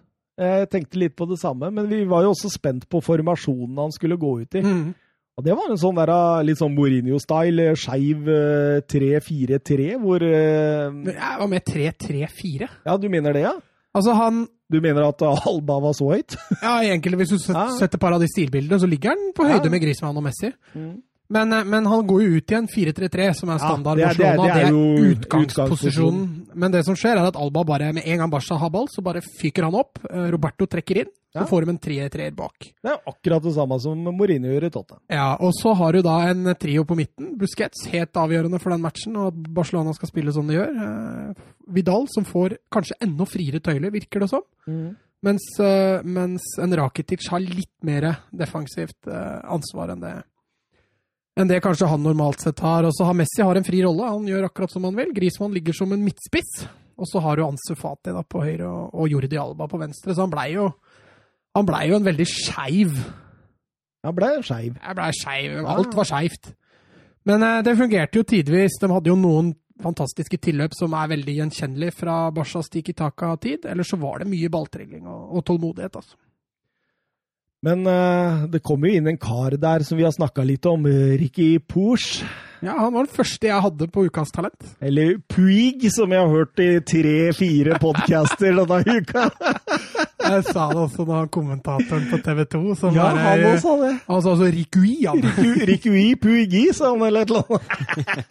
Nå har jeg uttalt eh, navn på spillere feil, jeg også, Ja, det skal det er- sies, men den- var litt morsom. Den er, den var- Derfor nevner vi den. Men eh, nei, han kommer inn, og jeg syns han ser eh, nydelig ut. Og han vinner jo ballen til 1-0 der. Ja, han starter jo angrepet. Så han, eh, han er helt klart spennende, og det kan bli en viktig spiller det for, for Setien sitt Barcelona, som er en Tiki Taka-spiller. Altså, for de, de mangler det på midtbanen. Frenkie de Jong er, og Frenkie de Jong og Pooch på midten tror jeg kan bli Ja. framtida. Selv om jeg syns Vidal var bra. Kanskje Marshalls beste. Han, men det, altså det han tjener så mye på, det er at han er en av de som tar de dype løpa. Ja, Han ja. er en av de som kommer seint inn. Ja, han er en sånn de trenger. Han trenger litt for å bryte det opp. Og Ja. det, det er jo litt det da, Hvis du skal stille med Pooch og de Jong, så må en av dem være en Vidal. Ja. Eh, for å skape litt ubalanse. Og det er i hvert fall ikke de Jong vist eh, tidligere i sesongen nei, så det, dette, må, dette må trenes og implementeres. Men for Messi tar jo ikke så mye dype løp lenger. Han skal helst komme dypt. Eh, Lå sentralt, for det meste. Ja, lå mye sentralt, for Ansu Fati hadde tatt over høyrekanten. Og det også er litt dumt, for Ansu Fati er jo ikke noe. Høyrekant. Han er jo en, en, en mye mer tydelig venstre innoverkant. Så der, der taper de jo lite grann. Og det er klart, hvis de skal dytte Ansu Fati over på venstre, da må jo Alba gå og sette seg på benken. For de kan jo ikke dytte han inn som en tredje stopper heller.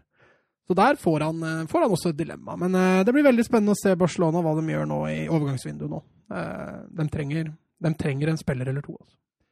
Eh, 82,6 Søren, sier det da noe, eller? Ja, det må være possession eh, Barcelona hadde. Jeg tror det er høyest helt siden Guardiola var trener der. Ja, altså Guardiola har vel hatt uh, to kamper hvor tallet har vært høyere. Ellers så er det Ja, han hadde en i 2011 mot Levante som var høyere, og så har han hatt en som var likt. Uh, så han, uh, Santander. Stemmer. Så han Det ligger helt der oppe, og Busquets hadde flere vellykka pasninger enn hele Granada hadde til sammen. Så det er, det er litt tilbake igjen nå til, til Tiki Takaen, eh, men han mangler litt de spilletypene for å, for å få til dette offensivt, tror jeg. Jeg tror Barca kan gå på noen smeller eh, hvis de skal fortsette med dette type spillet. Og så må de Jeg håper de fortsetter, men at de utvikler det videre. Med nye spillere, med fortsette å hente opp fra, fra La Masia, som har dette DNA-et. Mm. Det, det tror jeg blir viktig. Og så snakka jeg jo i stad om hvor flinke Real Madrid er til å gjøre dette generasjonsskiftet. Der må Barcelona begynne. altså. Der må de begynne snart. Nå er Messi, Busquets og Piquet, da, den sentrallinja der. Kan ta med Luis Suárez òg, for den saks skyld. De har alle passert 2-33, eh, og de må byttes ut snart. Ja. Og da, da må de ha en plan, altså. Og bak der så er det Det er, Det er ikke like mye penger i kassa til Barcelona som det er til uh, kongens klubb, eh, de Nei, altså- hvite fra Barcelona praktiserer jo en litt annen modell også enn Real Madrid. Da, for Barcelona betaler gjerne spillerne sine litt mer, men at de bruker litt mindre på, på overganger. Jeg har i hvert fall gjort det før. da. Jeg ser jo det har switcha litt. Men Messi, for eksempel, lønnsbudsjettet på Messi er jo Den dagen han legger opp, så får de jo tre nye spillere inn på samme lønn. Så det, det vil jo hjelpe sånn sett. Men eh, nei, jeg er veldig spent på å se hva, hvordan Barcelona skal løse dette generasjonsskiftet de må gjennom i løpet av et par år. Barcelona er det sjette laget i topp fem-ligaene som når 50 pluss mål. Eh, City på 64 på topp, eh, Liverpool 52, Leipzig 51, Bayern München og PSG 50. Så i løpet av var det gårsdagens, eller ja, i går, så kom det jo også det syvende laget, Leicester, med sin seier 4-1 der over eh, Hvem var det igjen? West Ham. West Ham. Hvor mange har Atalanta på? Mål? Det slipper inn en del òg, da. Ja, det, det er ikke godt å si, Det altså. er litt, eh, det Jeg er er litt opptatt av tall, da, så jeg, jeg har ikke sjekka Atalanta. Men eh, du sier noe nå som jeg tenkte, hm, hva er det Atalanta De har? har, eh, de har eh, 22 i målforskjell. Ja, men hvor mange plussmål? 50. Nei, hvor mange mål? De har skåra 50. Ja, Da er de også kommet opp der, da, Ja. siden de siste tallene.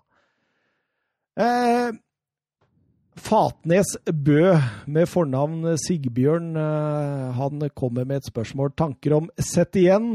Ja, det var jo artig, tenker jeg, med denne Tiki Taka. Det var litt sånn, Du fikk litt sånn Barcelona footprints. Mm. Du kom litt tilbake. Jeg syns det var nydelig. Jeg syns det er deilig. Jeg, jeg er veldig usikker på om han er et langtidsprosjekt. Mhm. Men uh, jeg, jeg syns liksom Barcelona-fansen nå skal bare kose seg resten av sesongen Men, med men dette. jeg, jeg må jo si, jeg tror sjansene for å lykkes i Champions League ble enda litt mindre når de ansatte sett igjen. Mm. Jeg tror det mannskapet der er ikke bra nok til å spille den type fotball. Når du møter Liverpool, når du møter City. Ja. Du blir beinhardt straffa der, altså, for en minste lille feil. Og det, Tenk det det, aggressive midtbaneleddet til Liverpool gå opp Ja, der, liksom. Og du så det i kampen mot Granada òg, de gutta som ikke hadde det Barca-DNA, type Vidal, Rakitic, Umtiti, hvordan de slår pasninger ofte, litt sånn som United driver med, slår på feil bein, Ja.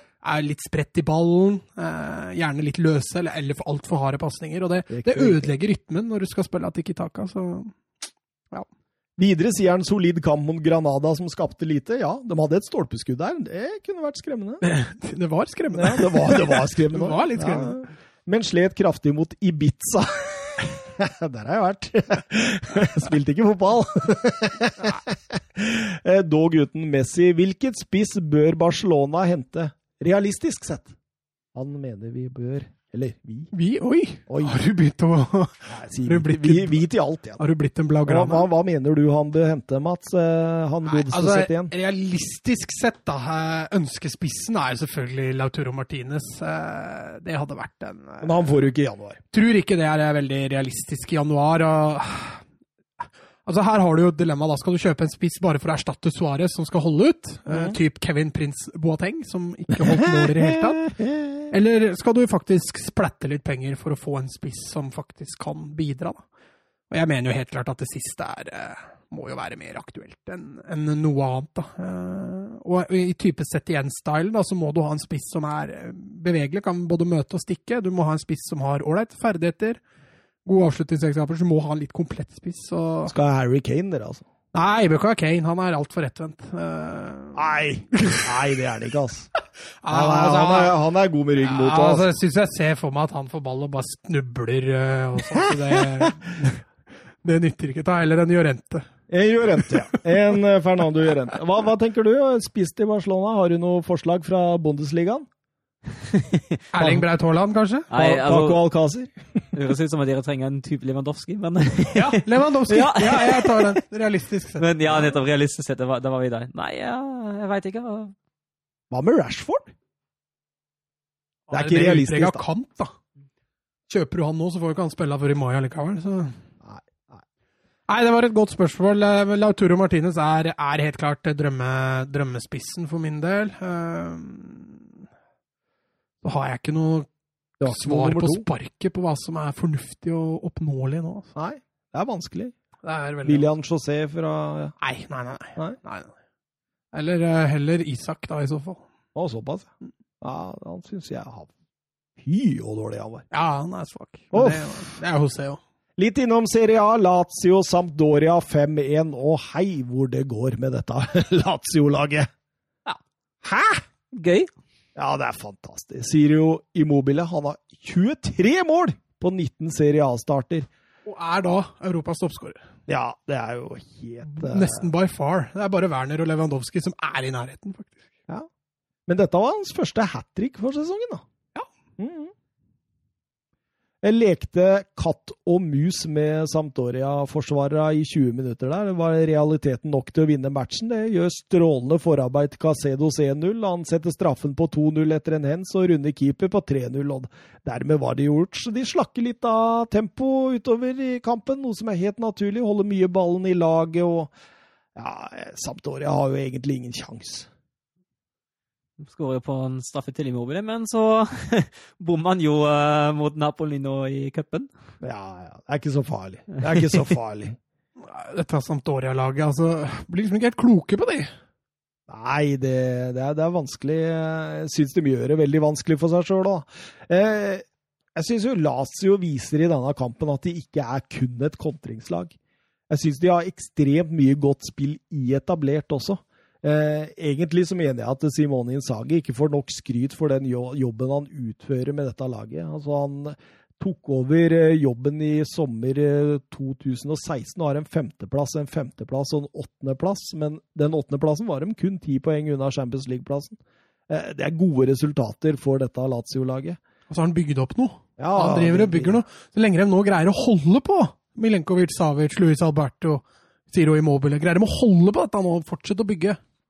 Ja, Nydelig. nydelig. Eh, Claudio Ranieri sier etter kampen at uh, I will eat my players alive with some oil, salt and pepper. Såpass sulten er han. Tror du Thorsby smaker godt i olje, salt og pepper, eller Mats? Du som er, Du som kjenner Morten? du, du som er litt sånn Thorsby-fanboy? Nei, eh, jeg tror vel ikke han smaker så godt, eh, for å være helt ærlig. Men eh, nei, det var en trist kveld for Thorsby og for resten av eh, Sampdoria-laget. Jeg skjønner godt at Ranieri var Altså, Jeg tror jo ikke de holdt seg til kampplanen noe særlig heller, for dette var, eh, Det var, det var tynn suppe. det var tynn suppe. Eh, Elleve strake nå, Søren, Ja. for Lazio. Imponerende. Ja, Har du absolutt. rekorden i Serie A der, eller? Nei, det er Nei, nei, nei jeg tror, altså, det tror Lazio, hvis jeg har lest det riktig nå husker ikke, jeg bare leste Ja, for det er klubbrekord. Det er klubbrekord, men jeg tror det er, de er nå det syvende laget som har klart å vinne mer enn ti kamper på rad. Og så er det Juventus som har klart det sånn fire ganger. Jeg vet ikke helt hvor rekorden ligger. Men uh, ja. Det er, det er i hvert fall en del lag som har klart å vinne mer enn ti kamper på rad i Serie A før. Ja, ja, men hva er rekorden? Ja, det vet jeg ikke. Nei. Om det er 72 målkamper. kamper. Liksom. Immobile han ville ikke snakke etter kampen om Scudettoen. Det var ikke interessant for han. Det som var interessant for han, det var at han skulle ta Higuain, Higuain sin uh, skåringsrekord på 36 mål i løpet av en sesong. Ja, det bare 13 igjen. Der fikk jeg også spørsmålet mitt fra Ja. i, i starten der. Uh, Immobile har netta ni av sine mål fra 11-meteren denne sesongen. Eh, sist en spiller skårte like mye på, fra straffesparket, var Zlatan Ibrahimovic i eh, 11-12-sesongen. Da var han i I eh, AC Milan må han ha vært. Nei, det, Er det Inter? In- Er det Inter-tida?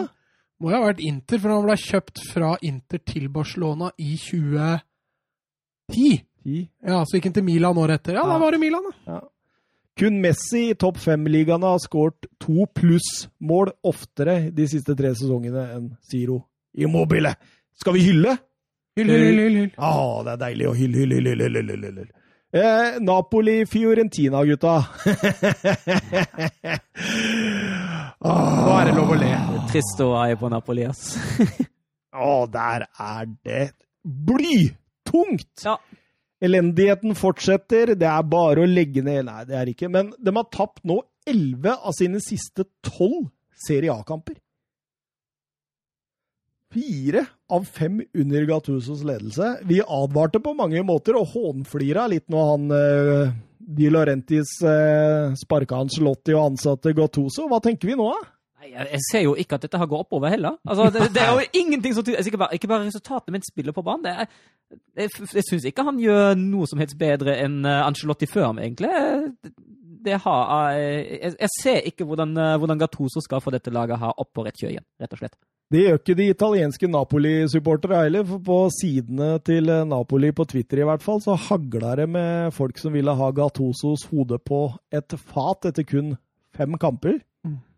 Flere foreslår Pochettino, men tror du Pochettino vil ta i dette med en ildtang engang? Nei, det tror jeg ikke, altså. Nei, Men jeg meg. tror eh, i hvert fall at Daniel Levi signerer den eh, hvis, eh, hvis Napoli henvender. Jeg tror han blir kjempeglad ja, hvis Porcetino tar Napoli. ja, han får litt kroner, vet du. Det da er han fornøyd. Men, men hva var det jeg skulle si? Jo, han Diego Demme fikk uh, debuten sin. Ja, han gjorde det.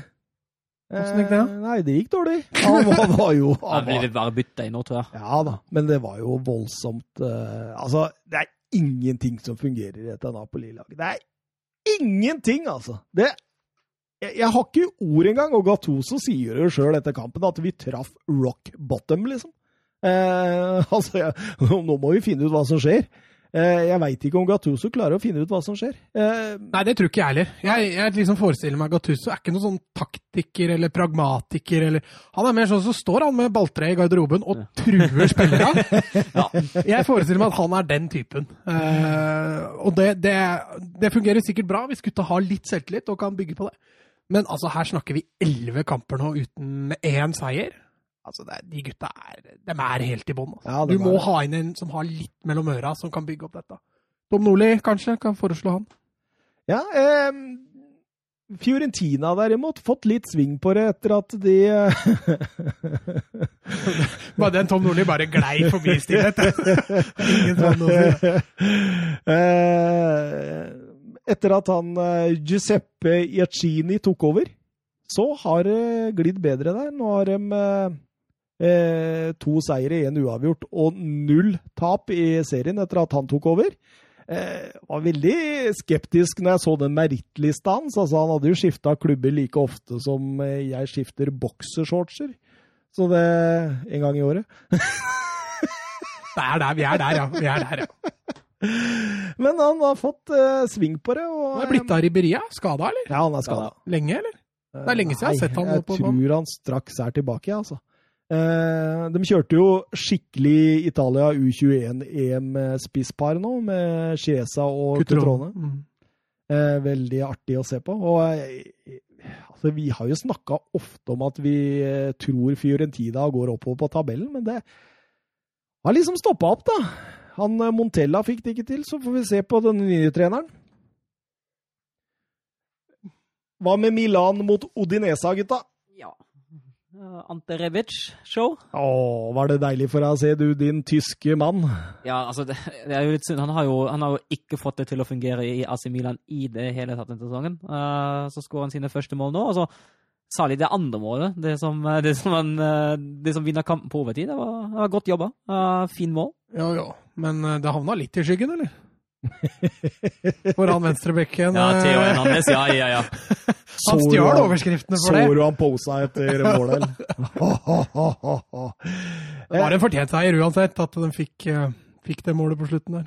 Ja, og Pioli fortsetter i 4-4-2, med Leao og Ibrahimovic på topp. Eh, Hva var det? Du hadde ni på Zlatan? Eh, ja, altså fe mellom fem og ti, men jeg sa Ja, ja, nei, du må velge et tall. Jeg sier ti, da. Nei, det sa Thomas. Nei, Thomas sa elleve. Gjorde jeg det? Nei, Du vi, vi, vi var tripp trapp tresko. Ja, ja, for Ja. du sa tolv, Mats. Ja, da sa du ti, og du Da sa elleve, og jeg tolv. Ja. Ja, for nå har jo Zlatan eh, holdt seg unna å skåre mål eh, litt. Ja, men det var bare én runde siden vi snakka om dette, var det ikke da? Han har jo bare spilt Nei, jeg har to seriekamper nå uten skåring på Ja, Zlatan. Ja. Eh, dette Milan-laget òg, altså det, det, det, det, det kommer seg helskinna gjennom denne kampen, men de, de eh, holder jo på å rote det noe voldsomt bort på slutten der òg, når Kevin Lasagna setter 2-2. Eh, men jeg, jeg merker liksom Det er et eller annet med omgivelsene der. Så, eh, så etter 15 minutter så begynte San Siro å småpipe, liksom, når det ikke liksom skjedde noe og han Jens Trygge Larsen hadde satt 0-1. Det er liksom null tålmodighet med dette. da. Du kan jo kanskje forstå dem da, etter den siste åra. Ja, nei, det er jo da du kanskje burde forstå at du må ha tålmodighet òg. Har du litt mellom øra, så skjønner du at dette ikke bare er å snu på et kvarter. Så, men, men Milan er jo Altså, dette er jo en klubb med vanvittig historie, da, så at de gutta har, eh, har pokaler i blodet, det, det forventer kanskje fansen. Milan nå har kun tapt én eh, av de siste ni, faktisk. Ja, mye uavgjort her, da. Ja, ja. Det var 0-5 mot uh, Atalanta. Den husker Først taper du, så gjør du det ordentlig, hvert. Men uh, to poeng bak Cagliari på sjetteplassen, uh, som gir den siste Europa League-plassen, så det Ja, så er de vel ti poeng bak Roma eller noe sånt på Ja. Champions League, så de er jo ikke helt, helt ute av det. Og med den seieren, Mats, så er Zlatan Ibrahimovic den raskeste til 150 Serie A-seiere etter man begynte å telle tre poeng per seier. Eh, det tok 122 kamper. Eh, den som hadde rekorden før dette, var Estban. Han bjassa. Å, deilig! Lecce mot Inter Milan. Jeg grua meg litt til den der, for dere to kyllinghuer. Dere vil Det er ikke vi som har tippa Inter på førsteplass.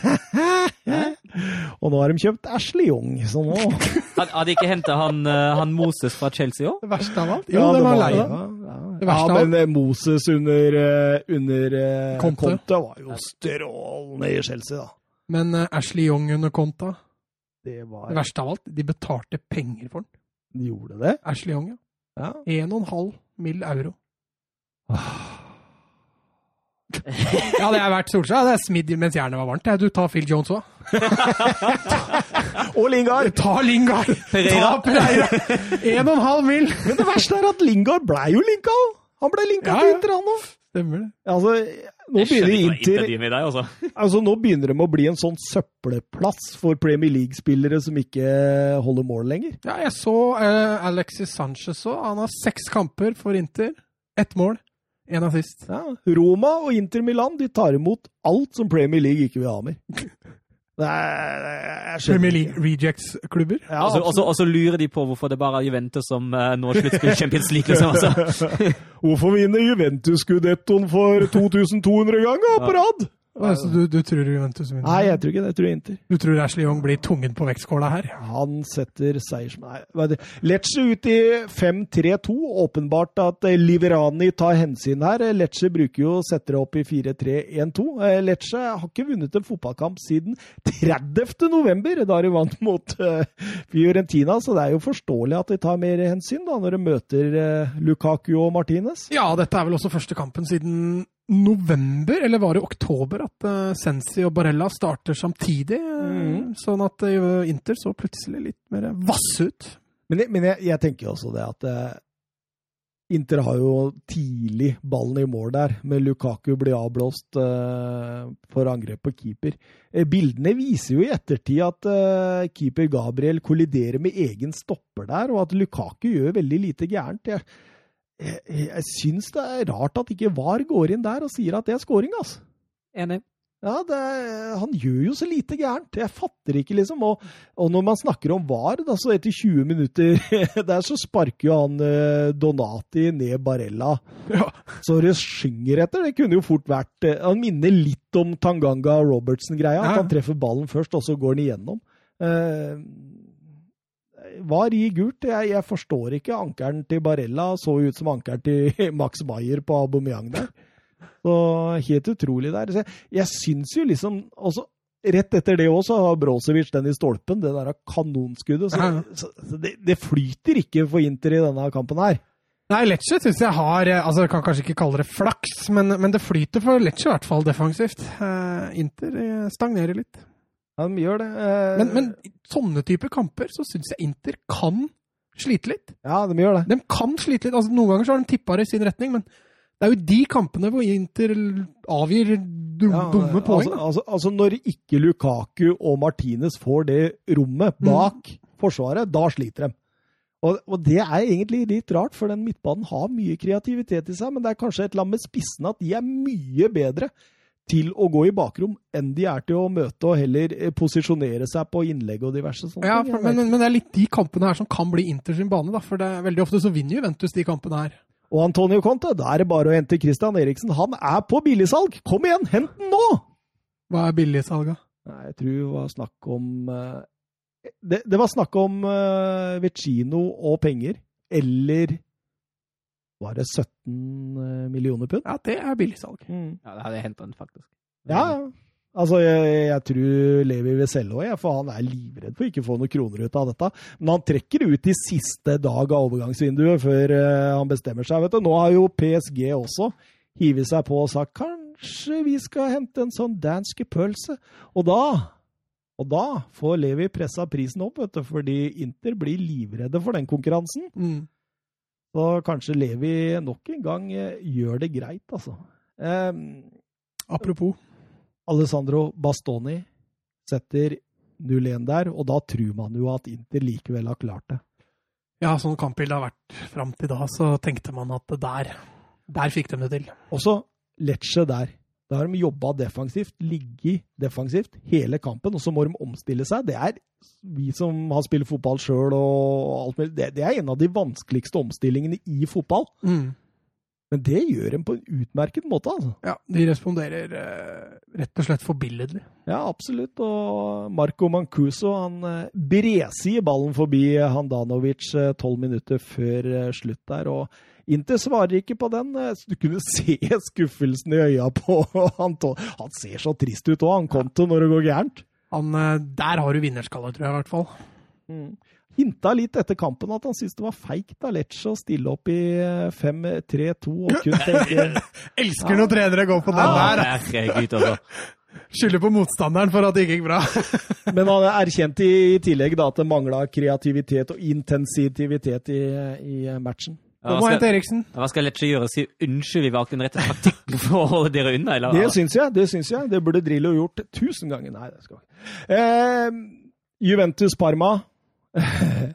Ja, jeg er tilbake igjen til det at Juventus tipper det litt i sin Ja, retning. og det, men, men det er jo én spiller da, som er forskjellen her. Ja, ja, ja. Og det er jo CR7 Cristiano. Ronaldo? Kunne ikke dere tatt over den der, der, så hadde vi hørt så mye bedre ut. Nei, jeg roper ikke ut Ronaldo, ass, Ikke jeg uten at jeg mener han brasilianeren. Nei, nei, nei, da er jeg helt enig. Han er tungen på vektskåla. og eh, Gang på gang på gang på gang på gang. har vi skåra på sju seriekamper på rad nå? Eller noe sånt? Da? Ja, absolutt. Det har vært litt sånn med Ronaldo den siste sesongen at han bruker tre-fire måneder nå på å komme i gang. Mm. Og så bare baller det på seg. Sarri sa etter eh, kampen som eh, Juventus vant eh, 2-1, etter eh, to mål av Ronaldo og ett av Andreas Cornelius for Parma, at vi har en fantastisk spiller som noen ganger lager litt problemer for meg, men som løser 100 andre problemer. Det Ja, Han snakker da om Ronald. Adrian Rabiot, eller? Nei, han lager 100 problemer, tror jeg. Og løser bare et par. Juventus, jeg syns de starter kampen bra, eh, men det avtar litt utover i omgangen, som tidvis er veldig kjedelig. Jeg syns eh, Parma ikke får satt opp overgangene sine i det hele tatt. og kan egentlig ikke minnes at de har noen sjanse i første omgangen der. Nei, de har vel eh, kanskje ikke det. Jeg husker heller ikke at de har noe, har noe voldsomt. Uh, Kulisevskij litt artig å følge med på han òg, som skal til UV nå etter sesongen. Mm. Men han var, Var ikke, ganske anonym. Ja, han var anonym, ja. Eh, men eh, i vane tro, da, så litt ut av ingenting, dukker eh, Ronaldo opp og setter eh, 1-0. Eh, fører ball ut venstre med hele Parma-laget innafor 16-meteren. Trekker på seg litt press, går innover og fyrer av. Egentlig ikke noe bra skudd, men går via Matheo Darmian, han gamle United-bekken, og setter jo Luigi CP helt ut av spill.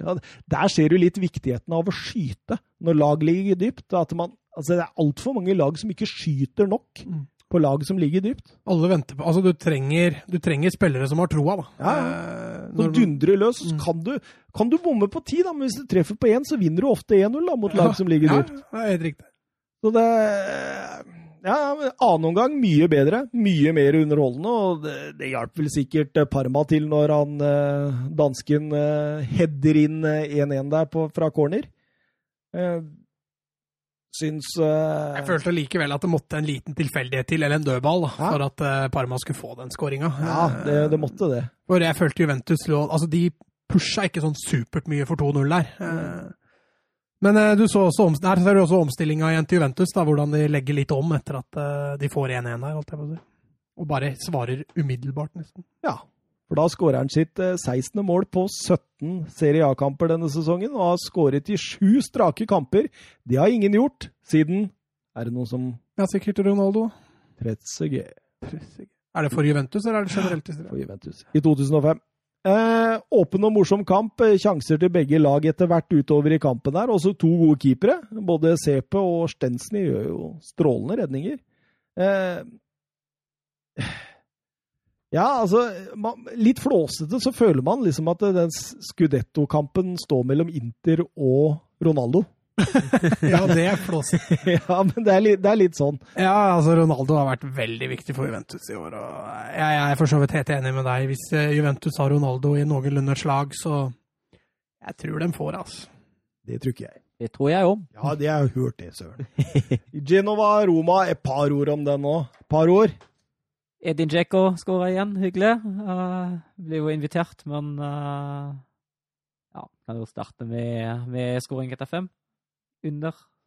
Schenges under, ja. Ja, det var jo egentlig et innlegg, da, men uh, gikk Ja, for det er det han prøver på. Ja, det er et innlegg, altså, herregud. Ja. Men det slipper forbi alt og alle, og så blir han farlig.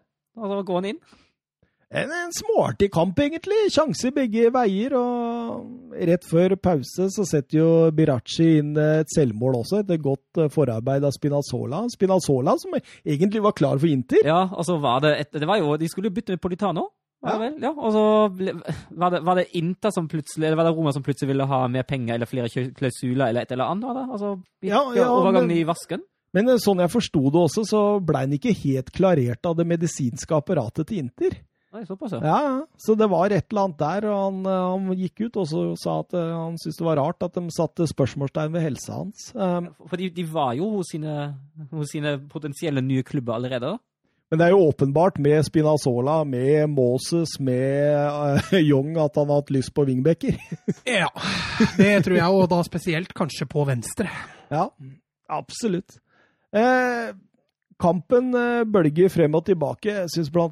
Paul Lopez har en fantastisk redning der. Så vi Ja. han henter Ja, det- krysset der. Den da han går helt opp uh, og får den ut. Her er den veldig i nå. Ja, absolutt. Det var nydelig. Og Altså- så er det dette med Genoa og forsvarsspill, da. Ja, ja altså det, Særlig det treeren vår. Det er jo to helt fryktelige pasninger. Første klarer de så vidt å redde inn, men da, da Mattia Perin spiller en rett i foten, da hadde jo da hadde de kjørt. Da hadde det vært å Ja. Det er Christian Romero som har den pasningen i forkant. Det er jo en, et stort stoppertalent leid ut av Juventus. Ja, argentinsk sådan. Mm. Og kanskje han som hadde blitt henta tilbake om det hadde blitt for ille, denne stopperkrisa til Juve. Eh, nei Altså har jo, har jo Lopez en skikkelig god redning mot slutten der mot Pandef igjen. Han, uh, han står virkelig en bra kamp, syns jeg. Åssen klubb har Lopez spilt for? Engelsk klubb. Er det meg? Westham eller Everton. Tottenham. Det er det visste. Men jeg veit han har spilt i Betis før han gikk til, uh, Han var bare på lån, da. Til Roma. Eh, Fonseca meget fornøyd etter kampen, hylla prestasjonen. Eh, jeg lot meg ikke imponere sånn voldsomt. Eh, hva tenker vi? Nå ser jo ut som den der fjerdeplassen blir et Atalanta-Roma-oppgjør. Oppgjør. Altså, Roma har jo mista Saniolo, og det tror jeg er et kjempeblow for dem. Han blir borte lenge.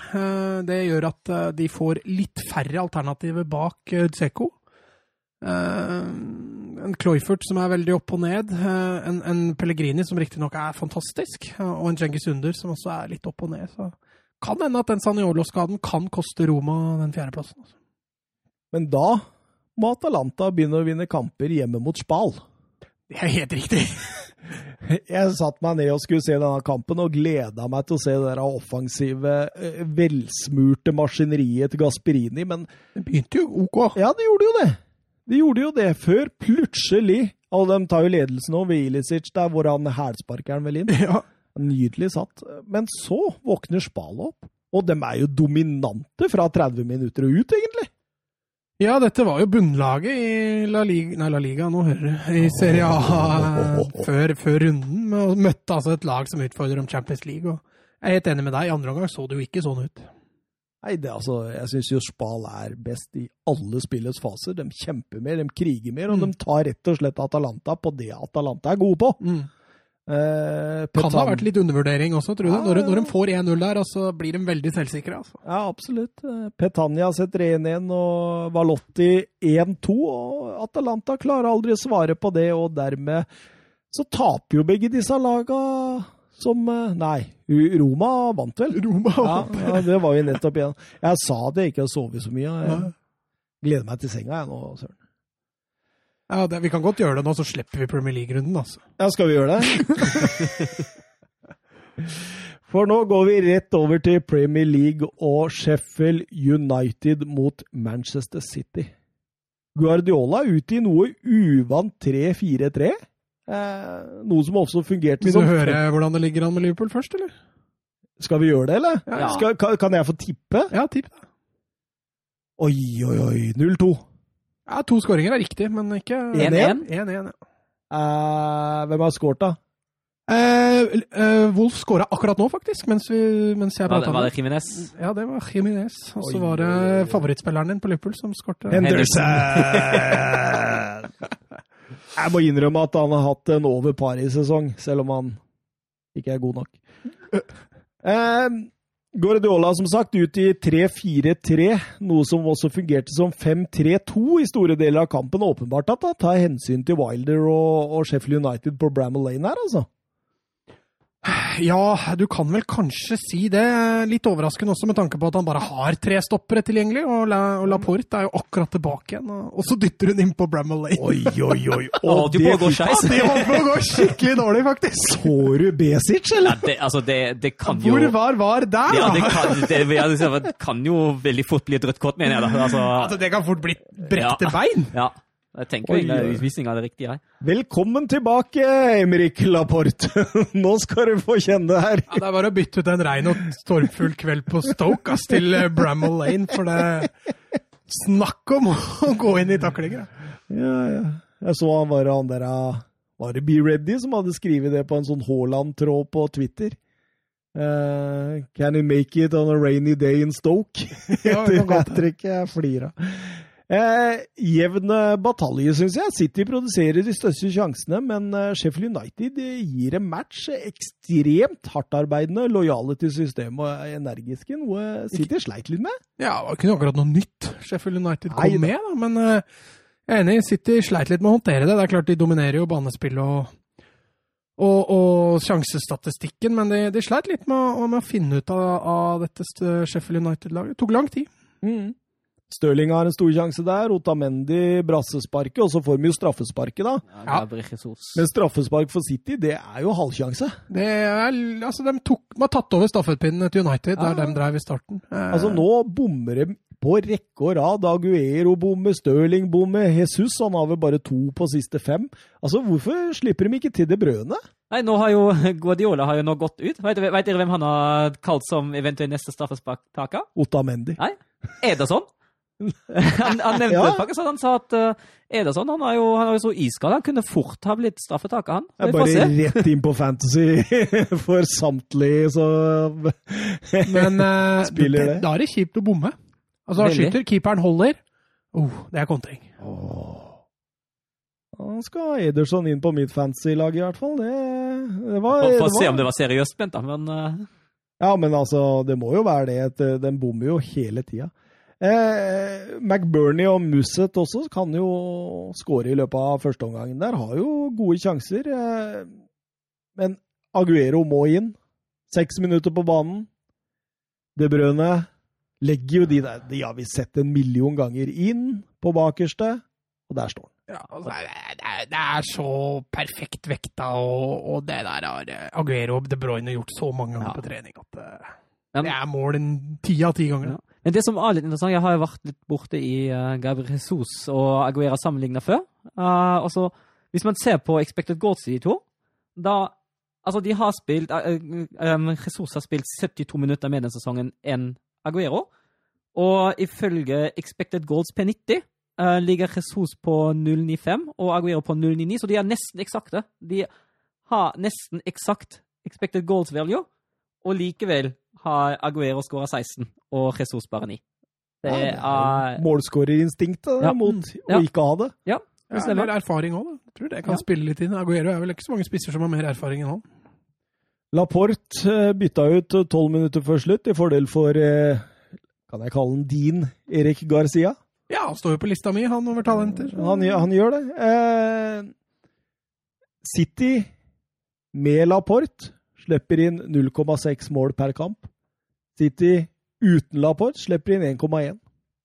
Eh, så Phil Neville nå på eh, Match of the Day sa det at han var overbevist om at City hadde vært mye nærmere Liverpool hvis Laporte. ikke ble skada. Men det er nok, altså, han er jo City sitt svar på van Dijk. Eh, Selv om han kanskje ikke er så toneangivende som, som van Dijk. Tar du van Dijk ut av Liverpool i ti matcher, så tror jeg det blir eh, litt poengtap der òg. Altså. Det gjør det.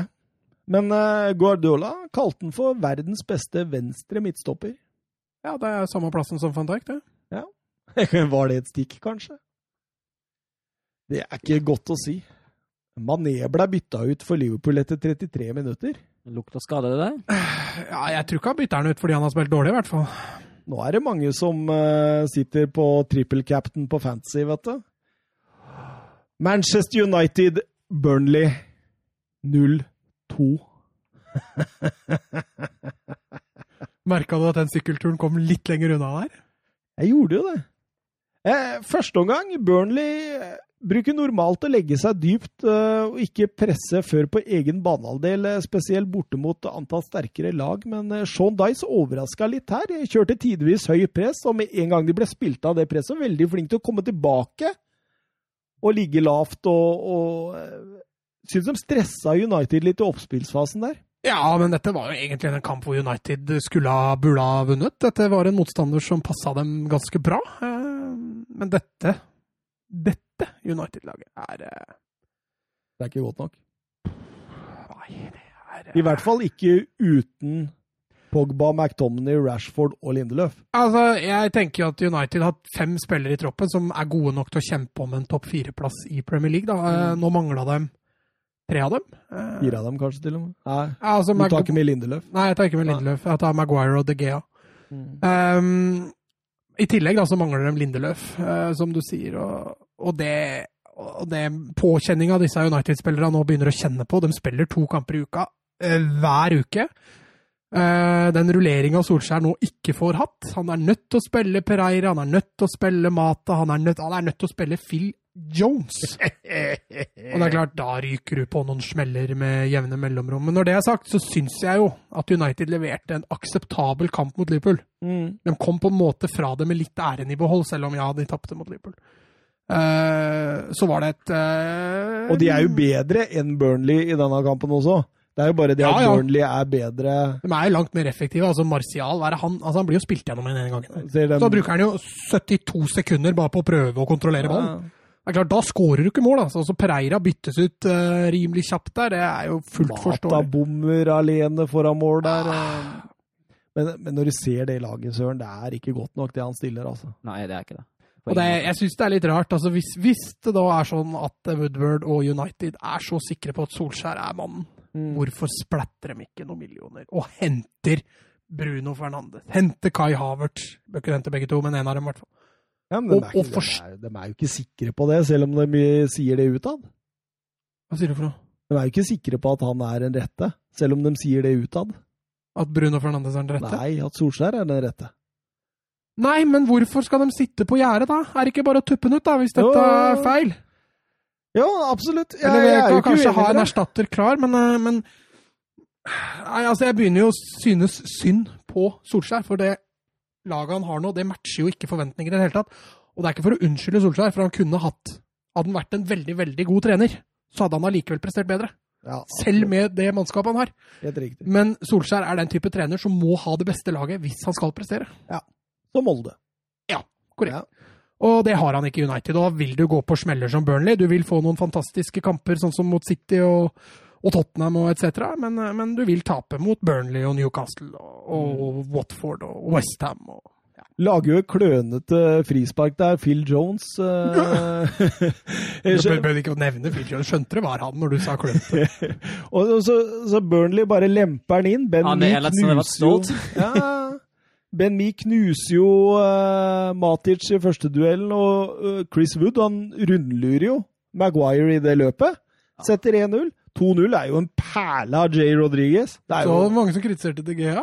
Nei, det er jo ikke noe å kritisere Altså, da, det, for. det, det synes jeg altså det er verre med Maguire som, eh, som løper ved siden av uten å gå i spillene, uten å prøve å takle. Jeg syns Maguire var dårlig. denne synes. Ja, det var dårligste kampen jeg har sett. Han er helt enig. Og Der ser du minuset med Phil Jones. Han gjør folk rundt seg dårligere. Han, han er liksom ikke bare dårlig. Han gjør folk rundt seg dårlig.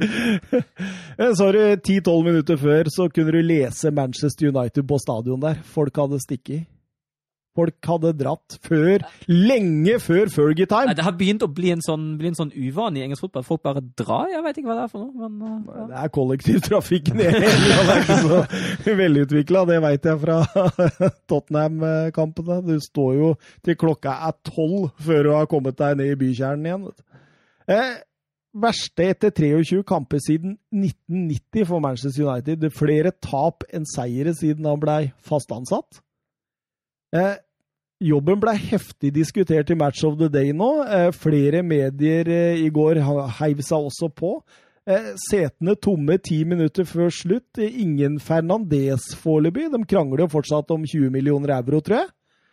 Eh, Rashford ute en god stund. Brukte jo han selv om han egentlig ikke skulle brukt han. Rio Ferdinand en klubblegende, kommer ut med ganske sterk kritikk både mot Solskjær og laget. Eh, Styret fredagen i dag. Eh, Alltid et dårlig tegn. Ja, det er et dårlig tegn, altså. Men, men, ja, og det er jo, men hvis han får sitte, så tenker jeg det at det, Altså, hør nå, gutta. Eh, hvis han får sitte, så mener jeg jo det at det, jeg hadde likevel rett i det veddemålet mitt den gangen. Nei, det hadde du jo ikke! Jo, men hør, hør hva jeg sier nå. Men idioter gjør at jeg må sykle. For de er jo idioter som fortsetter med dette her. Her har en Porch ledig. Det er bare å hente den.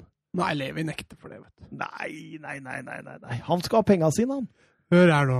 Eh, jeg er helt enig at det sitter idioter der og bestemmer, men du hadde ikke rett. Hvis du må si det. jeg har jo rett i meninga mi. Ja, men jeg har jo rett i meninga mi. Ja, men veddemålet Ja, jo, veddemålet er greit nok, men jeg hadde rett i at dette går på trynet. Det er bare fyren før sesongen. Ja, Det er jeg enig i. ja, for så ja. vidt. Men Og det er det som var poenget mitt i det. Da. Det var jo det jeg sa, at dette kommer til å gå så dårlig at jeg skjønner ikke hvis han sitter ikke sant, ut. Og da skal jeg, ikke sant? Ja. Og jeg har jo rett i tankegreia der, men det er jo bare det at det sitter jo folk i Manchester United som ikke skjønner hvordan du Men skal drive fotball. Men det foreslår jeg at du bruker som motivasjon når du sykler til Sandnes, da. Ja, ja. Og du er med meg når Mourinho vinner FA-cup. Så det, det, det blir gøy. gøy Verst, jeg, jeg er fortsatt redd for at jeg sykler aleine, faktisk. Det hadde vært jæklig moro. Nei, da skulle jeg vært med deg i Mercy, faktisk. Sykler selv om Solskjær får sparken. Vi hadde noen spørsmål, og så durer jeg inn uh, Istedenfor å gå på Twitter her, så durer jeg inn på uh, fantasyen min, og det var ikke meninga. Jørgen Be Ready Nystuen. Eh, Thomas, du traff bra i spådommene dine før jul. Prøv en etter jul også, da. United seks neste kamper. Wolverhampton hjemme, Chelsea borte, Watford hjemme, Everton borte, City hjemme, Spurs borte. Hvor mange poeng tar de? Wolverhampton hjemme ingen. Chelsea borte ingen. Watford hjemme ett. Everton borte null. City hjemme null. Spurs borte ett. To poeng. To poeng på de neste seks. Å, fy fader, nå var du optimist! Én seier, da, så ryker den spådommen. Men den City-kampen han nevner, er det ligakampen, eller er det Det er ligakamp, ja. For Eller ligacup? Nei, for det kommer Det er ganske snart, det. Ja. Det er nå rett rundt hjørnet. Petter S også. Hvor nære er Solskjær å få sparken nå? Ja, det å være freda av et styre, det er, eh, som Søren sier, det er et dårlig tegn. Altså. Og særlig også når eh, tribunen blir tom. Ja. Det er også det, er det verste sånne klubbeiere vet. Mm. Eh, Solskjær eh, Her forkjemper. Hva skriver Petter S her? Solskjær forkjemper. Solskjær For- for- forkjemper. Forkjemper. Solskjærs forkjempere, må det da stå da. Det er Petter S, gå skole. Eh, mener skylden ah, Solskjærs forkjempere mener skylden Skaden. Kanskje du skal ta deg en tur, ta deg en tur på skolen, da? Solskjær-forkjempere mener skaden og Woodward har mesteparten av skylden. Hva mener dere? Skaden ned, skal det stå. Altså, jeg, men, jeg mener jo at dette er todelt. Jeg mener jo absolutt at uh, strukturen i United ikke er gode nok. Uh, jeg mener at uh, de hadde hatt godt av en sportsdirektør. Jeg mener at de er for dårlige til å hente spillere, det har vi jo snakket om. Men jeg mener også at Solskjær kan prestere bedre på banen enn det de gjør. Så Altså, De hadde vært nærmere topp fire med en Pogba, med en Ja, for- Rashford, ja, det hadde de, absolutt. Så hadde de jo vært nærmere. så klart det er et bedre lag Ja, enn det de har nå. Altså ja, for all del. Selvfølgelig, men som jeg også sa i stad, eh, hadde Solskjær vært en, eh, vært en tydeligere, bedre trener Og det er, det er jeg helt enig i. Så jeg mener, jeg mener begge parter har, har en god del av skylda. Se bare hva Rogers får til i Leicester. Han har ikke nødvendigvis et bedre tropp enn eh, Solskjær. Tottenham Norwich 2-1. Lo Celsos store gjennombrudd var fantastisk i den eh, rollen på midten han fikk utdelt av Mourinho. Løp, kriga, vant dueller. Skapende, kreativ, dominerende. Han var ekstremt god, gutta!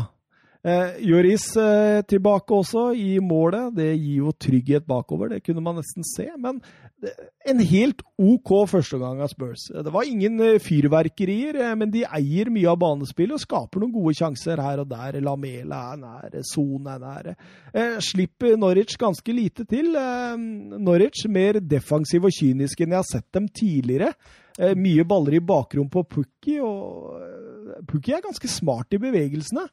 Men det blir liksom aldri noe helt av. Ally skårer 1-0.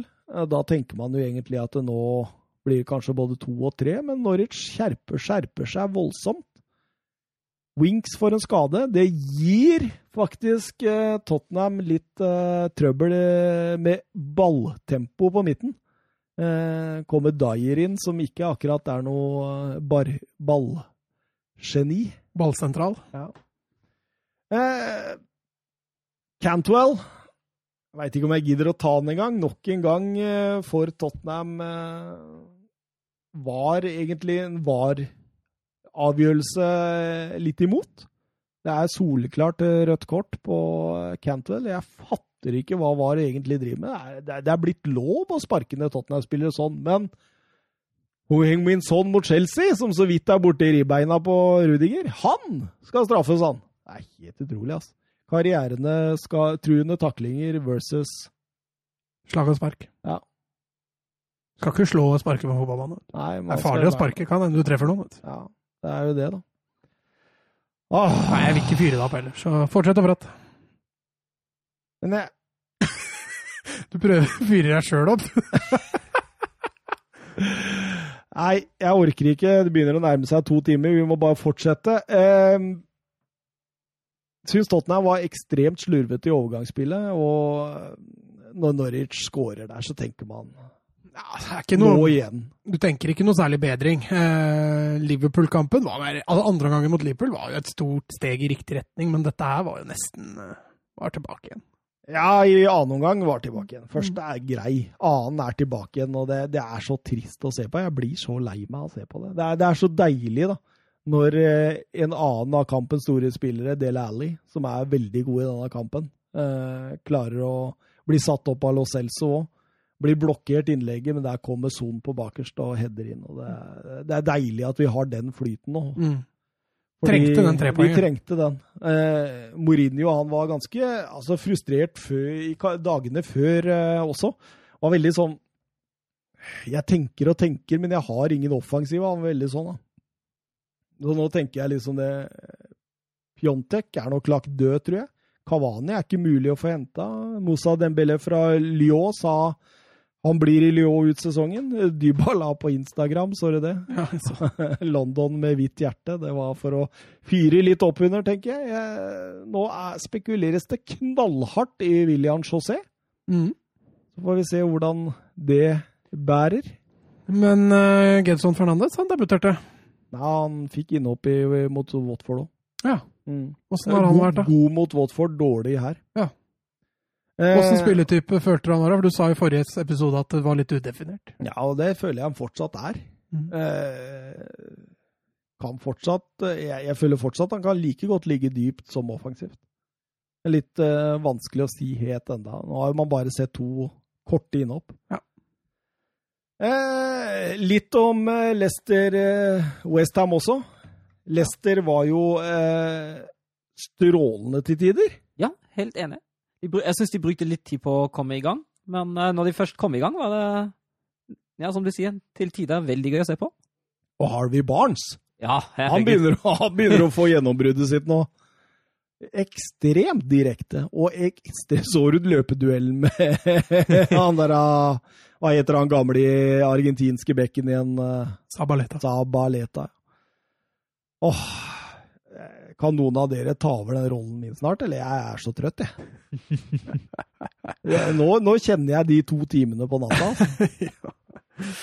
Kan ikke du snakke litt om kampen uh, Leicester-Westham, Søren? Skal jeg få meg litt vann her? Ja, jeg syns, jeg syns jo Leicester har, har, god kontroll i hele første omgang. Egentlig skåra to mål. Uh, syns jo Sali Jeg, syns egentlig begge, begge, mål er veldig fint, veldig fint spilt. Uh, er jo uh, Ricardo og Barn som gir hverandre assist, og det er jo fint, det. Og så mister de mister litt kontroll uh, i starten av andre omgang, Uh, blir Westham farlig, altså etter dødball skåra 2-1, men mot slutten av det klart Leicester best igjen, og så skårer de og vinner, vinner også fortjent 4-1, syns jeg. Det var en uh, overbevisende kamp og god revansje etter, etter Burnley-tapet på søndag.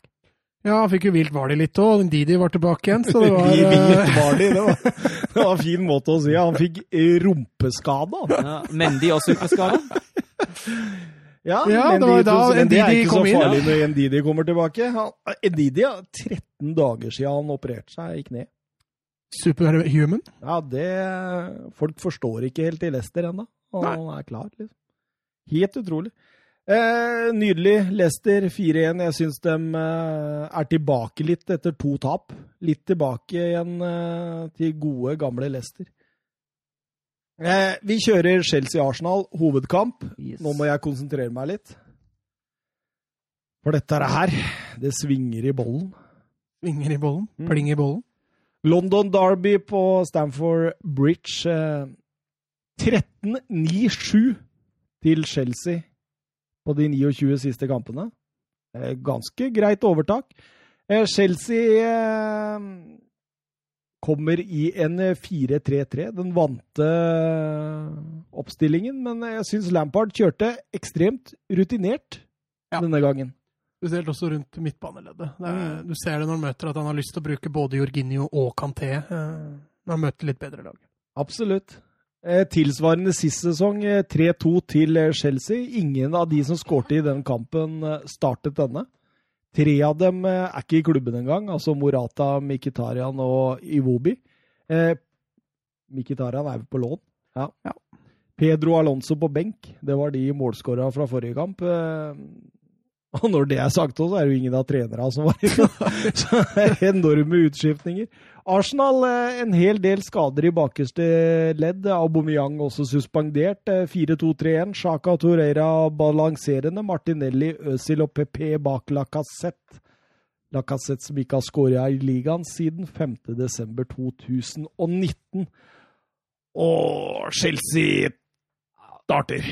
Ut i 100, setter veldig høyt press. Jeg syns er det klart beste laget ute på, ute på matta, og skaper også de første muligheter. Og ti, nei, fem cornere på de første ti minutter. i Men er, er Arteta litt uh, nonchalant, eller hva skal vi kalle det, litt eh, pragmatisk eh, i den oppstillinga her sånn? Ja. Virker jo ikke som han tar så mye hensyn til Chelsea i, i kampforberedelsen og kampplanen her, altså. Ja, ikke i det hele tatt. Han skal spille sitt spill. Han skal spille sitt spill, ja. Mm. Eh, og da Og det du utnytter jo Chelsea seg voldsomt, da. Maks. Eh, Kovacic eh, får et, eh, en fin sjanse der etter seks minutter. Kombinerer fint med Aspulkuelta og Odoi der. Aspi hæler til Kovacic på 15 meter, men han dundrer baller, ball, ballen rett Han dundrer ballen rett i balla, skulle det være! Han dundrer balla. Rett i Mustafi. Ni minutter. Nei, det var et vakkert angrep òg, da. Det var nydelig angrep. Nydelig angrep, ass. Synd ikke sånt går i mål. Og etter ni minutter så er det nydelig eh, dødball der. Kristensen, Christensen, altså Blir blir han overraska? Altså, Ja, jeg tror det. Jeg ja, tror han ikke tror han får ballen der. At det går opp folk foran som han Ja. tror skal treffe ballen. Også. Han står jo bare ferdig bøyd, egentlig, så bare Ja. blir han truffet i huet. Så. den skal du sette, eller? Ja. Altså, du, altså, som en som spisser alltid får beskjed om da, du må alltid forvente ballen. Uh, alltid tro at ballen kommer, og det gjør jo ikke Christensen der. Whatsoever. Derfor han ikke ble spist over. Ja, det er nok mye derfor. Ja. Men du bør jo alltid forvente ballen som forsvarsspiller òg, da. og, og i denne fasen her så presser jo Chelsea Arsenal ekstremt høyt, og Arsenal skal spille seg ut. Det skapes brudd på brudd hele veien. Ja, og de kom jo aldri lenger til midtbanen, nesten. Og det er Nei, de helt vanvittig. det. Mm. De nei, det. dette er en av de svakeste kampene også jeg har sett Øsil. År. Altså, han blir jo nesten Han er nesten usynlig. Ja, men han er jo dårlig. Jo, jo, men, men du ser jo det Altså, nå hopper jeg litt i det røde kortet, da, men når Arsenal blir ti mann, er ikke Øzil den første spilleren du da bytter ut? Ja. Og Altså, det, og du det, vent, og venter det jo byttet ikke mener jeg må komme mye tidligere. Det er akkurat det, ja. du skal, ikke bytte, du skal ikke vente et sekund engang! Han må ut med en gang! Og så venter han jo nesten, nesten en halvtime med å bytte den ut. Alltid har venta ut andre omgang! Ja, det et halvtime, sier jeg jo. Ja, 28 minutter til Louise Ydvis. Han blir byttet ut 55. Det er helt sykt. Eh, 14 minutter. Dere forgriper anledningen her. Ja, sorry, da. Abraham, muligheten. Ja, det var jo nytt fint innlegg av Fatsen og Doy. Rudiger som viser god oversikt med headinga. Og så setter jo Abraham den rett på Leno, og, han er jo en spiss, og da mener jeg også at den må komme betraktelig bedre plassert. Ja, det er helt enig. Der skal en uh, nummer ni skåre ti av ti. Ja. To mål på ni siste for uh, Abraham nå. Ja. Lampard uh, kritiserte den sist match, sa det at jeg håper han tar det til seg, for vi kan ikke øve mer på avslutninger enn det vi gjør. Nei. Så det er åpenbart at han er litt frustrert med Abraham nå. Eh, 16 minutter eh, Hudson Odoi i tverrleggeren. Mente han det, eller ei? Nei, Det var nok et innlegg, tror jeg. Ei, jeg er enig med Søren. Ei, ja. Mm. Eh, Arsenal fortsetter å spille seg ut. Chelsea i høyt press. Eh, jeg tenker, hva med å variere litt mer? Klinke den litt i bakrom og få litt pause. Ja, og jeg, jeg, jeg, jeg så det. Det var et eller annet utspill som Leno hadde sånn midt på første. Og jeg tenkte, da tenkte jeg oi, nå slår han langt for første gang. For en gangs skyld. Det, Ja, men de har jo hurtige bakgrunnspisser der. Ja. De Jo, men de har ikke gode og- førsteduellspillere, da, så da må de du jo sørge for at det er bakrom å slå Ja. den ballen i. Eh, og For for Bernt... vinner fanken, ikke andre ballen. nei. nei, men eh, for Bernt Leno å drive og slå i bakrom, det er håpløst. Eh, Ja, ja. Så de er nødt til å spille seg litt lenger fram i banen for å greie å få den bakromspasningen. Men de, de sleit jo. De fikk press med en gang, og de ble tvunget til å spille sideveis eller på feilvendt. Og da, da er det vanskelig å slå i bakrom, altså. Og så kan dere få snakke David Louise. Ja, Ja, vi har jo allerede diskutert litt, da. Altså, vi, er, vi har muligheten for en diskusjon her. Altså. Det har vi. Søren mener det ikke Søren mener det er klink rødt. Nei, det, jeg mener at jo, jo, jo, du mener Ah, nei, det nei, er nei. Jeg mener at det er forsvarlig å gi rødt kort der. Uh, og det mener jeg med den lille detaljen at han Ja, men, mener du det er rødt kort, eller mener du det ikke er rødt kort? Jeg mener kort? at det er rødt kort. Og jeg mener at det er helt forsvarlig å gi rødt Altså, jeg mener at det er en, ikke en feil avgjørelse å gi rødt kort her. Eh, og det skyldes Altså, du må jo ta et ærlig forsøk på å ta ballen som sistemann, ellers er det fortsatt rødt selv om det er straffespark. Det jeg mener uh, gjør dette her til et rødt kort, er armbruken til Louise. Han dytter vekk eh, Men Abraham. det, dette skjer jo på hver corner. Ja, men han, altså, da er jo Abra Abraham står jo, står jo alene foran mål. Eh, altså, ja, greit nok han er på vei ut, men han, det står jo bare en forsvarsspiller på streken. Og så prøver han å dytte den vekk, samtidig som han sparker, og da mener jeg at det er såpass mye at det da er forsvarlig å gi et kort, og anses som at han ikke tar, ikke tar et forsøk på å ta ballen, men bare et forsøk på å felle, bare felle spilleren for å hindre at den avslutter. Ja, Men det beinet som han prøver, det, det er et forsøk på å ta ball. Det er du enig i, eller? Ja, det er greit. Det er jeg enig i. Den armen i ryggen, det, Det er- jeg for så vidt enig i. Det, det er ikke et forsøk på å ta Og ball. det er det som Men- gjør Jeg tror, jeg tror hvis han bare sparker uten å, uten å ta ballen, eller uten, nei, uten å ta armene, da er det greit. Da er det gult. Da er jeg med på det. Jeg Ja, men det, det var også unnskyldningen til VAR. At det var den armen i ryggen Ja. som gjorde at det de ikke gikk inn og, og, Og det er jeg enig i. og, og, og gjorde det om. Men, men som jeg også er inne på, altså, sånne hendelser skjer jo veldig ofte i hver kamp. Riktignok ikke når eh, du er aleine med keeper, men, men, men du blir ikke tatt på det da. Eh, og jeg synes jo det at eh, Litt sånn nostalgisk òg, for jeg synes det er synd å ødelegge en sånn kamp med å få en utvisning på sånn tull. Eh, men jeg føler at det er ekstremt strengt idømt Får for en arm i ryggen å få, få direkte rødt kort på den. Altså. Det er jo begge armer, da. Han har jo begge armer på motspilleren. Ja, men det er ikke et veldig kraftig dytt her. Altså. Nei, nei, nei, det, det er, Har jeg sagt hva jeg mener i podkasten, eller bare før? Det er bare før. Ja, ok, Jeg mener jo at det er eh, total feil, jeg. Jeg mener jo det at eh, Du, du er litt inne på det, Mats. At den hånda i ryggen der, det er jo sånn man ser tusen ganger av i løpet av en eh, Premier League-runde. Og det blir ikke dømt frispark engang. Altså, jeg, jeg tror Louise bare Altså, det er, det er veldig vanlig å ha en hånd på, eller ha et eller annet sånt for å kunne følge et løp, eller et eller annet sånt, og samtidig ha kontroll rundt seg. Altså, det, jeg tror ikke den hånda Det er jo ikke den som gjør at da Abraham faller. Nei. Det er jo taklinga eller blokkeringa. Forsøk på blokkering. Ja, ikke sant? Og da må du ta selve forseelsen. Det er ikke det som på en måte eh, Ledet opp, ja. Ja, ikke sant? Nei, men altså, he hele greia i sin helhet er en forseelse. Det, det er jo en helhetsforseelse, hvis man vil kalle det sånn, da. Så, Ja, men du må, Altså- du må jo ta der han gjør Altså, forseelsen er jo Altså, Abraham vil jo aldri falle av den hånda.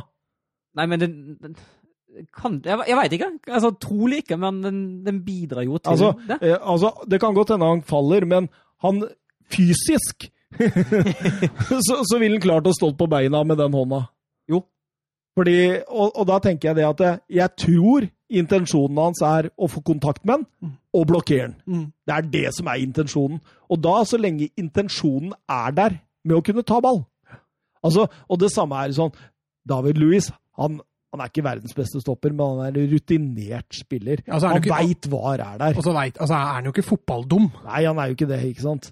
Og han veit hva er der. Altså, Han prøvde å blokkere den, det er jeg nesten 110% sikker på. Hvis ikke, så er han fotballdum. Mm. Da, er han jo, altså, da, da bør han jo ikke spille én kamp til for Arsenal, hvis det var meninga å felle. Nei, det hadde egentlig, altså for, for, for Louis sin del er det egentlig bedre å bare gå inn i en sklitakling istedenfor å bruke de hendene, tenker jeg. Ja, men det var jo som, altså, som Thomas sier der, at, at det er for å få kontakt med han. Jeg, Jo, jo. Det, er, det er ikke noe dytt.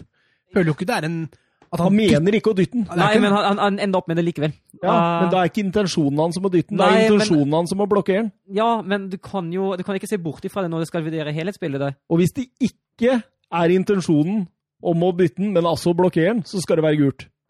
Nei, det syns jeg ikke. altså Bare fordi Jo, du men det, det altså, står i reglene, Søren. Jo, nei, men altså, hvis, jeg, hvis jeg skyter deg i låret, og så skyter jeg deg i, eh, i hodet for jeg treffer så dårlig altså, Ja, men nå snakker vi ikke strafferett, Nei, nå nei, nei. snakker vi fotballregler. og, og der står det ganske klart og tydelig i reglene at eh, hvis du ikke har intensjon om å ta ball og hindrer motstanderen i å skåre mål, så er det rødt kort. Hvis du hadde en intensjon om å ta ball, så er det gult. Det stemmer. Det- det men jeg, jeg mener fortsatt at de hendene blokkerer for en intensjon. Fordi hendene skal han holde unna. Og da, jeg mener at det er helt forsvarlig å gi rødt. Jeg mener for så vidt også at det hadde vært forsvarlig å gi gult. Da hadde jeg ikke vært gått inn og omgjort på det heller, og det er helt greit. Nei, det tror jeg i hvert fall ikke. Nei, men jeg syns fortsatt det er, det er forsvarlig med tanke Altså, det- det er, det er helt greit nedfelt i reglene at du kan gi rødt der, med tanke på anbruken. Jonathan Hobber spør glidende overgang. Var det virkelig rødt kort til David Louis? Det var ikke noe glidende overgang, det. Thomas. og vi, vi blir nok aldri enige. Og det, det er greit i fotballdiskusjoner iblant. Ja, ja. Eh, på- i hvert fall, han tar en hoppestraffe og, og setter ballen eh, sikkert i mål. Til en meget fortjent ledelse. Ja, det var jo ekstremt fortjent. Og da går Arsenal ned igjen 4-4-1. Sjaka ned som stopper. Eh, beholder både PP, Øsil og Martinelli på banen. Det er tøft satsa. Ja, det var litt det vi var innom i stad. At, eh, at han ikke flekker av Øzil idet dommeren flekker opp det røde kortet, er jo Det burde nesten vært en, en samtidig bevegelse. Når idet det går opp, så skal Øzil bare rett ut. Ja, særlig når, når, det, når, det, når det som skjer når han bytter ut Øzil etter hvert for Gendosi, blir det jo mye bedre Ja, ja. i sentrum. Det er jo helt sykt. Arsenal får plutselig litt kontroll på det. Ja. Altså, jeg mener at det er en Altså, Chelsea var ikke så veldig gode etter det røde kortet. De Nei, Nei, nei, nei, det, det, det skulle jeg fram til, skjønner du. For der er det etter den Hudson Odoi-sjansen hvor han kommer igjennom, han spiller vel vegg med eh, Ja, det hvem er skuddet, ja. ja. Selv i, reap, altså selv i slow motion så er det skuddet drithardt. Ja, det er, det er ekstremt hardt, og det er godt tatt av Leno. Ja, det er jaggu godt reagert. og, Altså. og så tar det et kvarter der på slutten av første omgang hvor Arsenal klarer å hindre Chelsea de overgangene i større grad. De klarer å ta vare mer på ballen. og Jo lenger ut i første omgang du kommer, jo mindre sjanser får Chelsea, egentlig. Ja, men de ofrer jo, sine, de offrer jo mye av sine egne premisser, Arsenal, når det skjer. Og det er jo ikke så rart, med tanke på at du spiller med en mann mindre. Men, eh, men eh, jeg er helt enig. Arsenal, nei, Chelsea, de, de var eh, tamme, altså, med 10 mot 11. Og Mustafi må jo være veldig langt nede når han setter Ja, men hadde ikke han noe Jeg svarer ikke Alsakeren som sa det at han hadde et lesebrev til fansen eller noe sånt for et par dager siden, hvor han Mm. uttrykte følelsene sine. Oi, oi, oi. Eh, Det er tøft. Tøft for din uh, tyske landsmann, Søren. Jeg har aldri vært noen sånn uh, superfan av uh, Hvor var det han gikk fra, fra til Valencia? Du, det husker jeg faktisk. Han, han, ble, han ble jo først veldig godt kjent i Tyskland da han ble Valencia-spiller. Han var jo Ja. aldri noe sånn super, superkjent før. Han gikk til Valencia for å bli kjendis. Bobby Firmino 1-2. Liverpool grinder ut resultater, vet du. Bra for United. ti minutter igjen. Da er United oppe på 50 igjen. Og skuta går. Eh, pause, meget fortjent ledelse. Arsenal har knapt nok hatt noe, egentlig, men det roa seg etter 0-1. Eh, Arteta, én mann mindre, ligger under på bortebane. Hva gjør man da? Tar ut Øzil? Ja, jeg har vært innom det, jeg. At han burde vært flekka mye før for å få mer eh, trygghet på midten. Når det er sagt, litt hell i uhell for Arsenal. Sjaka som stopper, er det en eh, fremtidig løsning for Arsenal, eller? Ja. Eller de har prøvd det før. Det Nei, gikk jeg- ikke jeg så bra han var men han var ja, Fantastisk jeg- mot Chelsea, altså. Helt enig. Men det er klart, eh, da ligger jo Arsenal og tar imot. Eh, når Arsenal spiller 11 mot 11, så skal jo ikke stopperne ligge og ta imot. Jeg gikk inn på Mustafi her nå, og han står oppført med fire klubber. Everton, Jeg husker Han ikke. var der, ja. Sampdoria, Valencia Arsenal. Ja, så han har ikke vært i Sampdoria. Nei, Tyskland. jeg- Det er ikke så rart du ikke husker det, da. Nei. Ikke så rart du husker det. Eh, men eh, etter hvert da, så tar han jo til fornuften som vi eh, trolig er enige om rundt bordet her. Øzil ut, Gendosi inn. Svak kamp av Øzil. Få inn på mer løpskraft, duellstyrke. Og syns Arsenal eh, blir veldig mye bedre. Ja, altså Alsaker også var jo litt inne på det der, at Gedosi er en spiller som kan bære Arsenal eh, aleine. Litt samme som Torreira. Han er, bare en, han er bare en litt yngre utgave av Torreira.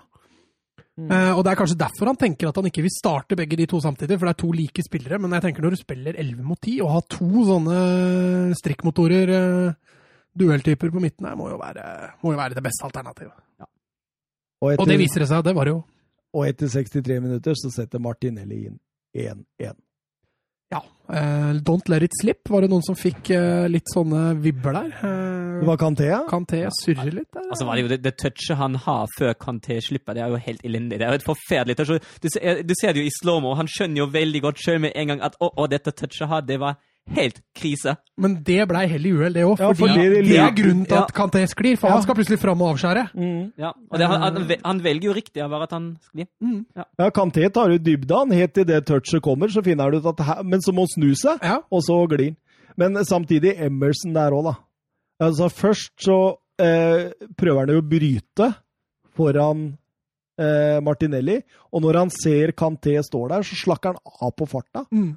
Altså, han hadde jo vært helt opp inn, men uh, Ja, altså hvis- Kovacic kom jo før Emerson tilbake igjen, når Martinelli skårer der, så det var ikke et sterkt returløp av Emerson, nei.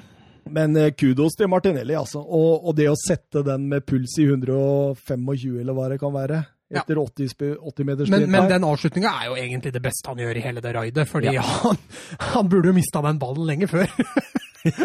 Det er jo både tur og, og selvfølgelig mye dyktighet òg, altså, men eh, det er litt tur der som gjør at han kommer helt inn til keeperen.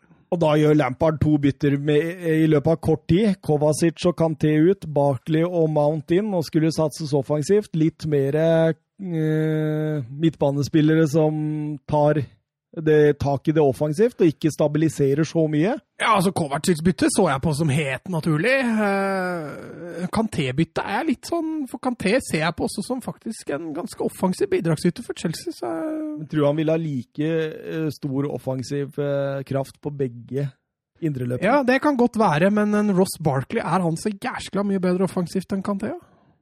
Nei, si det. Si det. Eh, uansett uh, syns eh, Arsenal står godt. Jeg syns Sjaka storspiller. Jeg syns Mustafi storspiller. Syns de stopper av, virkelig står opp. Ja, Sjaka, ja. Ja, ja og og, og også. Saka, ikke Saka. Sjaka? Sjaka, Saka. Ja. Sa ikke Saka, nei. Han sleit voldsomt med Ja, Odoi. fordi jeg, jeg syns jo, jeg synes jo altså, etter, det, etter at Arsenal klarer å, klarer å stenge sentrum på midten foran forsvaret, da kommer Chelsea seg bare rundt på kant hvis de kommer seg gjennom. Og så har både Mustafi og Chaka kontroll av så å si alt som seiler inn av innlegg i den, uh, den 16-meteren der. Jeg syns det er jeg synes, Ja, mm, godt jobba. Eh, så 72 minutter, eh, William-sjanse. Eh, Christensen finner William ut venstre med en nydelig ball. Eh, går rett på Beirin og avslutter godt, men Leno har kontroll. Nå girer Chelsea opp. Arsenal blir ekstremt dype. Får ny offensiv giv med Barkley og Mount. Mye mer offensivt inn, mer løp inn, mer balltempo. Ja, det eneste jeg stusser over nå, er at han, han bytter ut William med Bachuay. Ja, den skjønte ikke jeg heller. Nei. Da får du en ny Abraham inn i midten der, og så mister du den kreative Kanskje den mest, ja, kanskje, den definitivt den mest kreative spilleren Ja, ja. Chelsea har da, mot et så lavtliggende Arsenal. og da Du vil helst ha én kreativ spiller på banen eh, når du skal bryte gjennom en sånn mur. altså. Mm. Så jeg er helt enig med deg. Jeg skjønte heller ikke det byttet. Det hadde nesten vært bedre å bytte ut Abraham. Da. Ja, det, det syns nesten jeg jo. Eh, Ross Barkley han holder jo på å heade inn eh, 2-1 der etter 79 minutter. Blir spilt opp i bakrom der av Jorginho, som bare lemper ballen inn Ja, men det var, det var egentlig det beste tilløpet jeg har sett fra Arsenal inn i midten nesten hele matchen. Chelsea. Ja, Ja. Chelsea selvfølgelig. Eh, nesten hele matchen. Altså, det var god timing og god, Og god utførelse på alt sammen, og en fantastisk redning av Leno. Ja. Og da mener jeg Arteta gjør noe dumt. Da setter han inn Rob Holding. Og kjører 5-3-1. Og da får de et problem. Fordi den fireren da, som har fungert brukbart defensivt Altså, Odoi har ikke vært like aktiv de siste minuttene. De får bare sjanser når de liksom på en måte enten klarer å få lempe i bakrommet der som eh, med Ross Barkley, eller blir satt opp én mot én på kant. Ellers så har de god kontroll inne, mye duellkraft. De veit eh, Både Sjaka og Mustafi spiller jo veldig bra på dette tidspunktet. Så får de en ting de må forholde seg til. En annen ting Mm. de siste ti minuttene. Men jeg, jeg er for så vidt enig i at han tar ut en kantspiller, for returløpet til PP og Martinelli på slutten der, det var, det var stusslige greier. Ja, men Eh, Du kan heller sette inn en midtbanespiller. Det er jeg helt enig i. Eh, Han burde heller valgt å bruke en, en kantspiller eller en en ny sentral midtbanespiller, ikke rokere om så mye på, på, på midtforsvaret der. Og da skårer jo Aspukuelta 2-1. Ja, det var vel Callum Hudson Odoi som fikk assist på, var? Ja, det var det. Mm. Slå innlegget på første. Og det var jo Noen der må gå inn og bryte første stolpe-innlegget, altså. Og det er vel Holding, det, som Det spiller var- høyre. Ja, det var veldig passivt i, i midtforsvaret der til Arsenal, og kan godt skylde på, skylde på holding der, men det er eh, også, Men bare det at når Aspilicueta avslutter der, så er det jo to-tre meter til nærmeste Arsenal-spiller, så det er dårlig følging av, av løp òg. Mm. Arsenal øh, syns jeg svarer rett etter dette, men da er de jo nesten ti mot ti, for Abraham han klarer jo ikke å gå engang. Nei, men jeg tenkte på det også, fordi eh, Men, men jeg kommer jo på etterpå at Arsenal har gjort de tre byttene sine, men Ars Chelsea har jo ballen Mm. når Abraham ligger nede, og så spiller de jo ikke ut ballen. Tenkte jeg etterpå, nei, De har jo brukt opp byttene, så det er, det er jo greit. Men du gjør det allikevel for det. For å få inn på det medisinske, og for å drøye litt tid. Det er akkurat det. Eh, så når de da velger å fortsette å spille, eh, og Abraham går rundt og halter, legger seg litt ned, surrer rundt utpå der, ja, da straffes de beinhardt, altså. Ja, ja. De gjør det. Det er, der mangler Arsenal, nei, Chelsea den rutinen og den eh, Og han som straffer Kynisme. dem eh, beinhardt, det er Hector Bein. Ja, det er fint, uh, fint skutt, da. Veldig Ja, men eh, Kepa? Ja, Kepa. Ja, ja, ja. Altså. bør han ta ja, Ja. Altså, er han blokkert? Jeg sliter med å se om han var blokkert, men eh, hvis han ikke er det, så er det er jo ikke et fryktelig hardt skudd. Nei, og for en, for en Premier League-keeper kan man forvente at da, da skal det Altså kanskje være verdens dyreste keeper. Verdens dyreste keeper, altså. Men en av svakhetene til Aspilicueta, holdt jeg på å si, Arisa Balaga, er jo, er jo rekkevidden. Ja. Altså, han er jo ikke en veldig stor keeper. Eh, 16% av alle skudd Chelsea har imot seg, går inn. Det er det høyeste av samtlige lag siden man begynte å samle denne type data i 2003-2004. mm. Det sier litt, altså. Det sier ganske mye. Ja, men det er litt murring rundt Arisabalaga Arisa Balaga òg. Ja, det må jo være det. Han- Hørte, hørte nå at Chelsea-fansen ikke er helt happy, men det er klart når du sitter med Willy Caballero på blinken, så tenker jeg at eh, kjør Arisa Balaga. Men dette målet kommer jo også av, da. At de spiller jo på seg mye brudd. Ja, altså dumme brudd. Ja, Sånne sånn. Batshuayi er ute på høyresida der og lemper ballen rett inn til nasjonalspilleren, og så mister de igjen. og så som går i ett sett, og det er det som resulterer i dette. Plutselig så får det passivt press der på seg av Emerson og, og Abraham, da, som klarer å følge det løpet inn. og da Det er jo bare å legge den til sida. Bra gjort av Beirin, men eh, Chelsea kan skylde seg sjøl. Og Batshuayi ikke setter 3-2 der på slutten da. Alt han, så, nesten alt han gjør på banen, gjør han jo feil i de ti minuttene han har det. Uh, ja. Er Giroud skadefri, eller? Nei, jeg veit ikke, altså. Jeg veit ikke. Han satt ikke på benken, men eh, ja, han er uansett kanskje ikke god nok. Ebber i hvert fall ut 2-2. Vi må gå videre. To timer og 22 minutter såpass, ja. Eh, tre stjerner. Jeg begynner? Ja.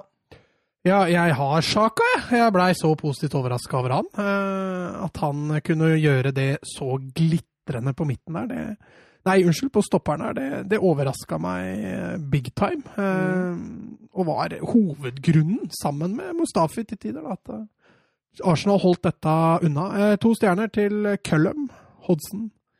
Odoi, utvilsomt friskeste offensive spilleren til Chelsea, bidro til det aller meste. Sto bak det aller meste eh, Chelsea skapte på, på uh, offensivt. Uh, siste stjerne. Jeg hadde egentlig mest lyst til å inn til Arsenal-spiller, uh, typ Torreira eller noe sånt, men, men eh, jeg hyller jo litt mer de som er litt kreative offensivt, så jeg gir den til, uh, til Jorginho. Han var stor bidragsyter offensivt. Skal jeg ta mine, da? Mm. Jeg gir tre stjerner til Jorginho. er det litt raskt her. To stjerner til Sjaka. Og én stjerne til Callum Hudson Odoi. Det er veldig fint, for du sa jo før at vi kanskje ender på litt forskjellige stjernespillere. Ja, for og jeg har akkurat de samme som deg, Thomas. Helt, helt lik Helt riktig, rekkefølge. riktig. Men jeg satt og tenkte lenge, altså. Det er så sjukt! Jeg, jeg, satt, jeg satt og tenkte lenge på den her. Uh, altså, jeg slet litt med å finne, finne tre stjernene, uh, og så slet jeg litt med å finne eh, med, å, med å kaste ut noen som hadde kanskje fortjent én stjerne. For jeg, jeg syns jo for så vidt også Aspiloketa gjør en uh, ganske god kamp, så han hadde jo kanskje fortjent noe, men uh, endte til slutt med det, ja. Men jeg, jeg lar meg blende litt, kanskje, jeg da, Sjaka. Altså, ser på han som en middels fotballspiller, og så Ja. bare går ned der og så redder han hele dagen på Arsenal. Han var bra. Eh, Så det var litt mulig. Jeg Altså, ja, vi har gitt den to, vi òg. ja da, men jeg lot meg kanskje blende litt. av han.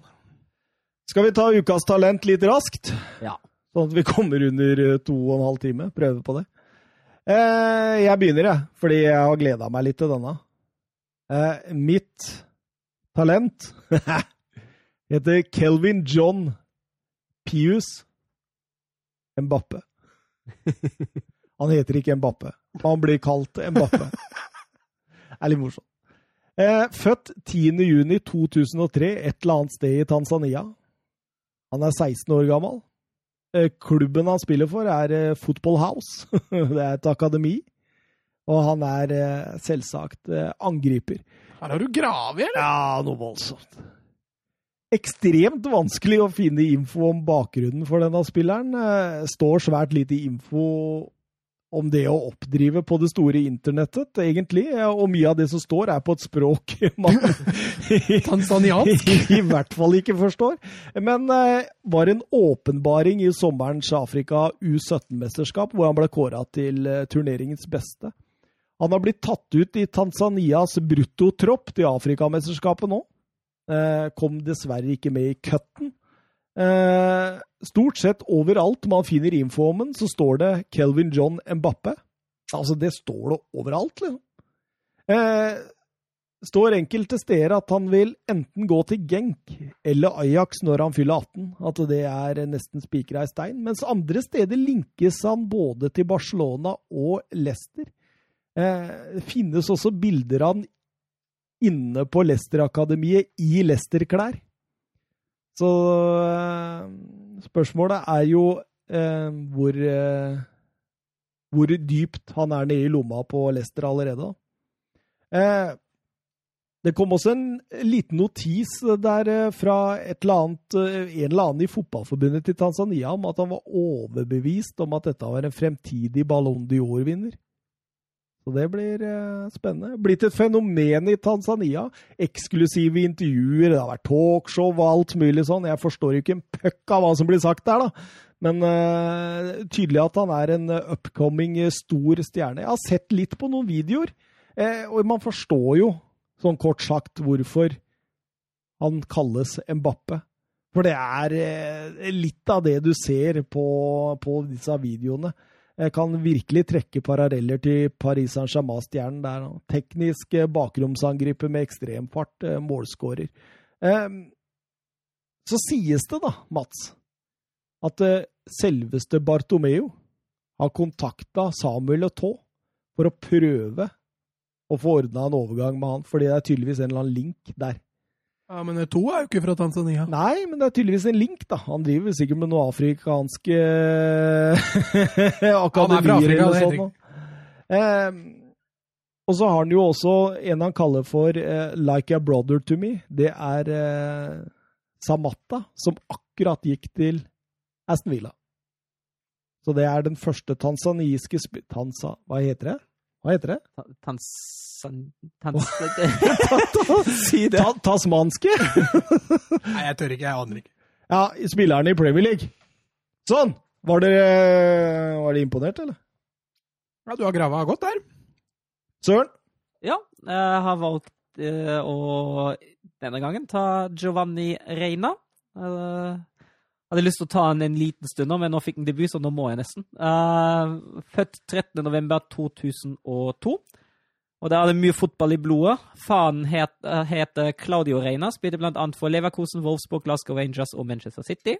112 landskamper for USA. Moren er Daniel Egan, som også var en uh, US-amerikansk landslagsspiller. Og han er kalt opp etter Giovanni van Bronckhorst, som Claudio spilte sammen med i Rangers. Han er også altså han er amerikansk statsborger, uh, spiller for amerikansk U17-landslag, uh, men han har også portugisisk pass. Og det har han for at overgangen til Dortmund skulle være mulig.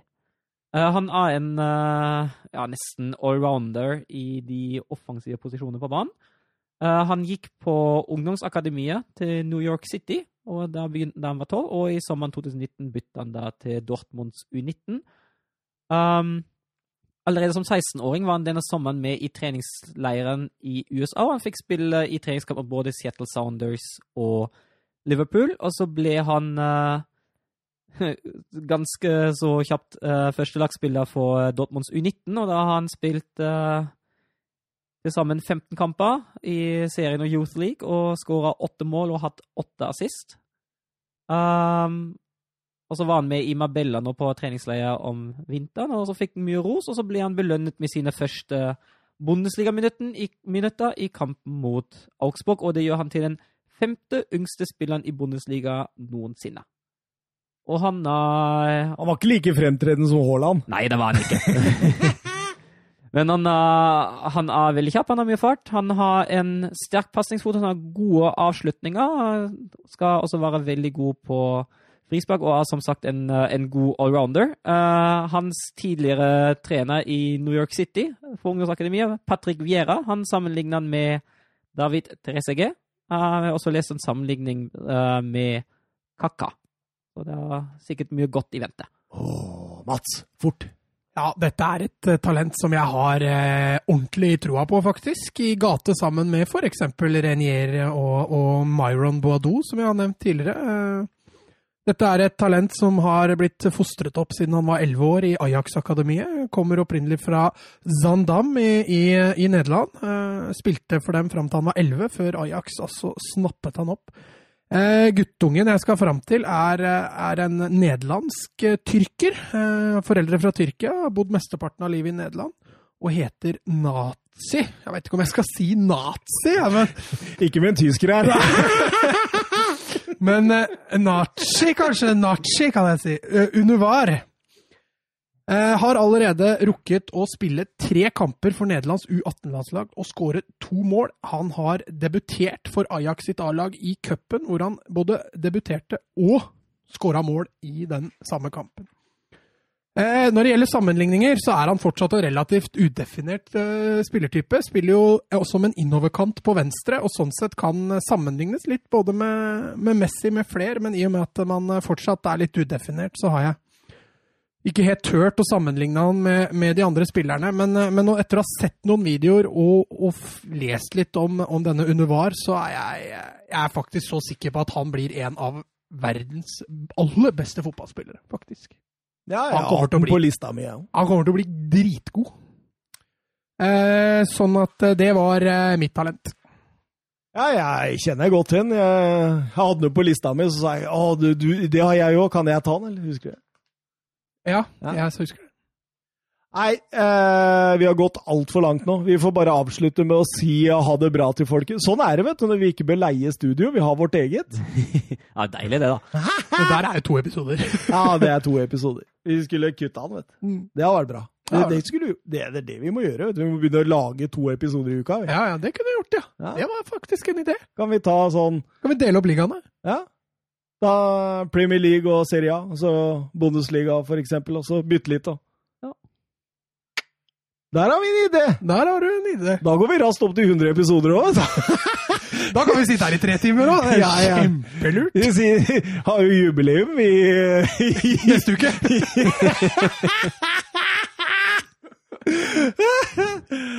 Nei, vi sier ha det bra til folket. Ha det.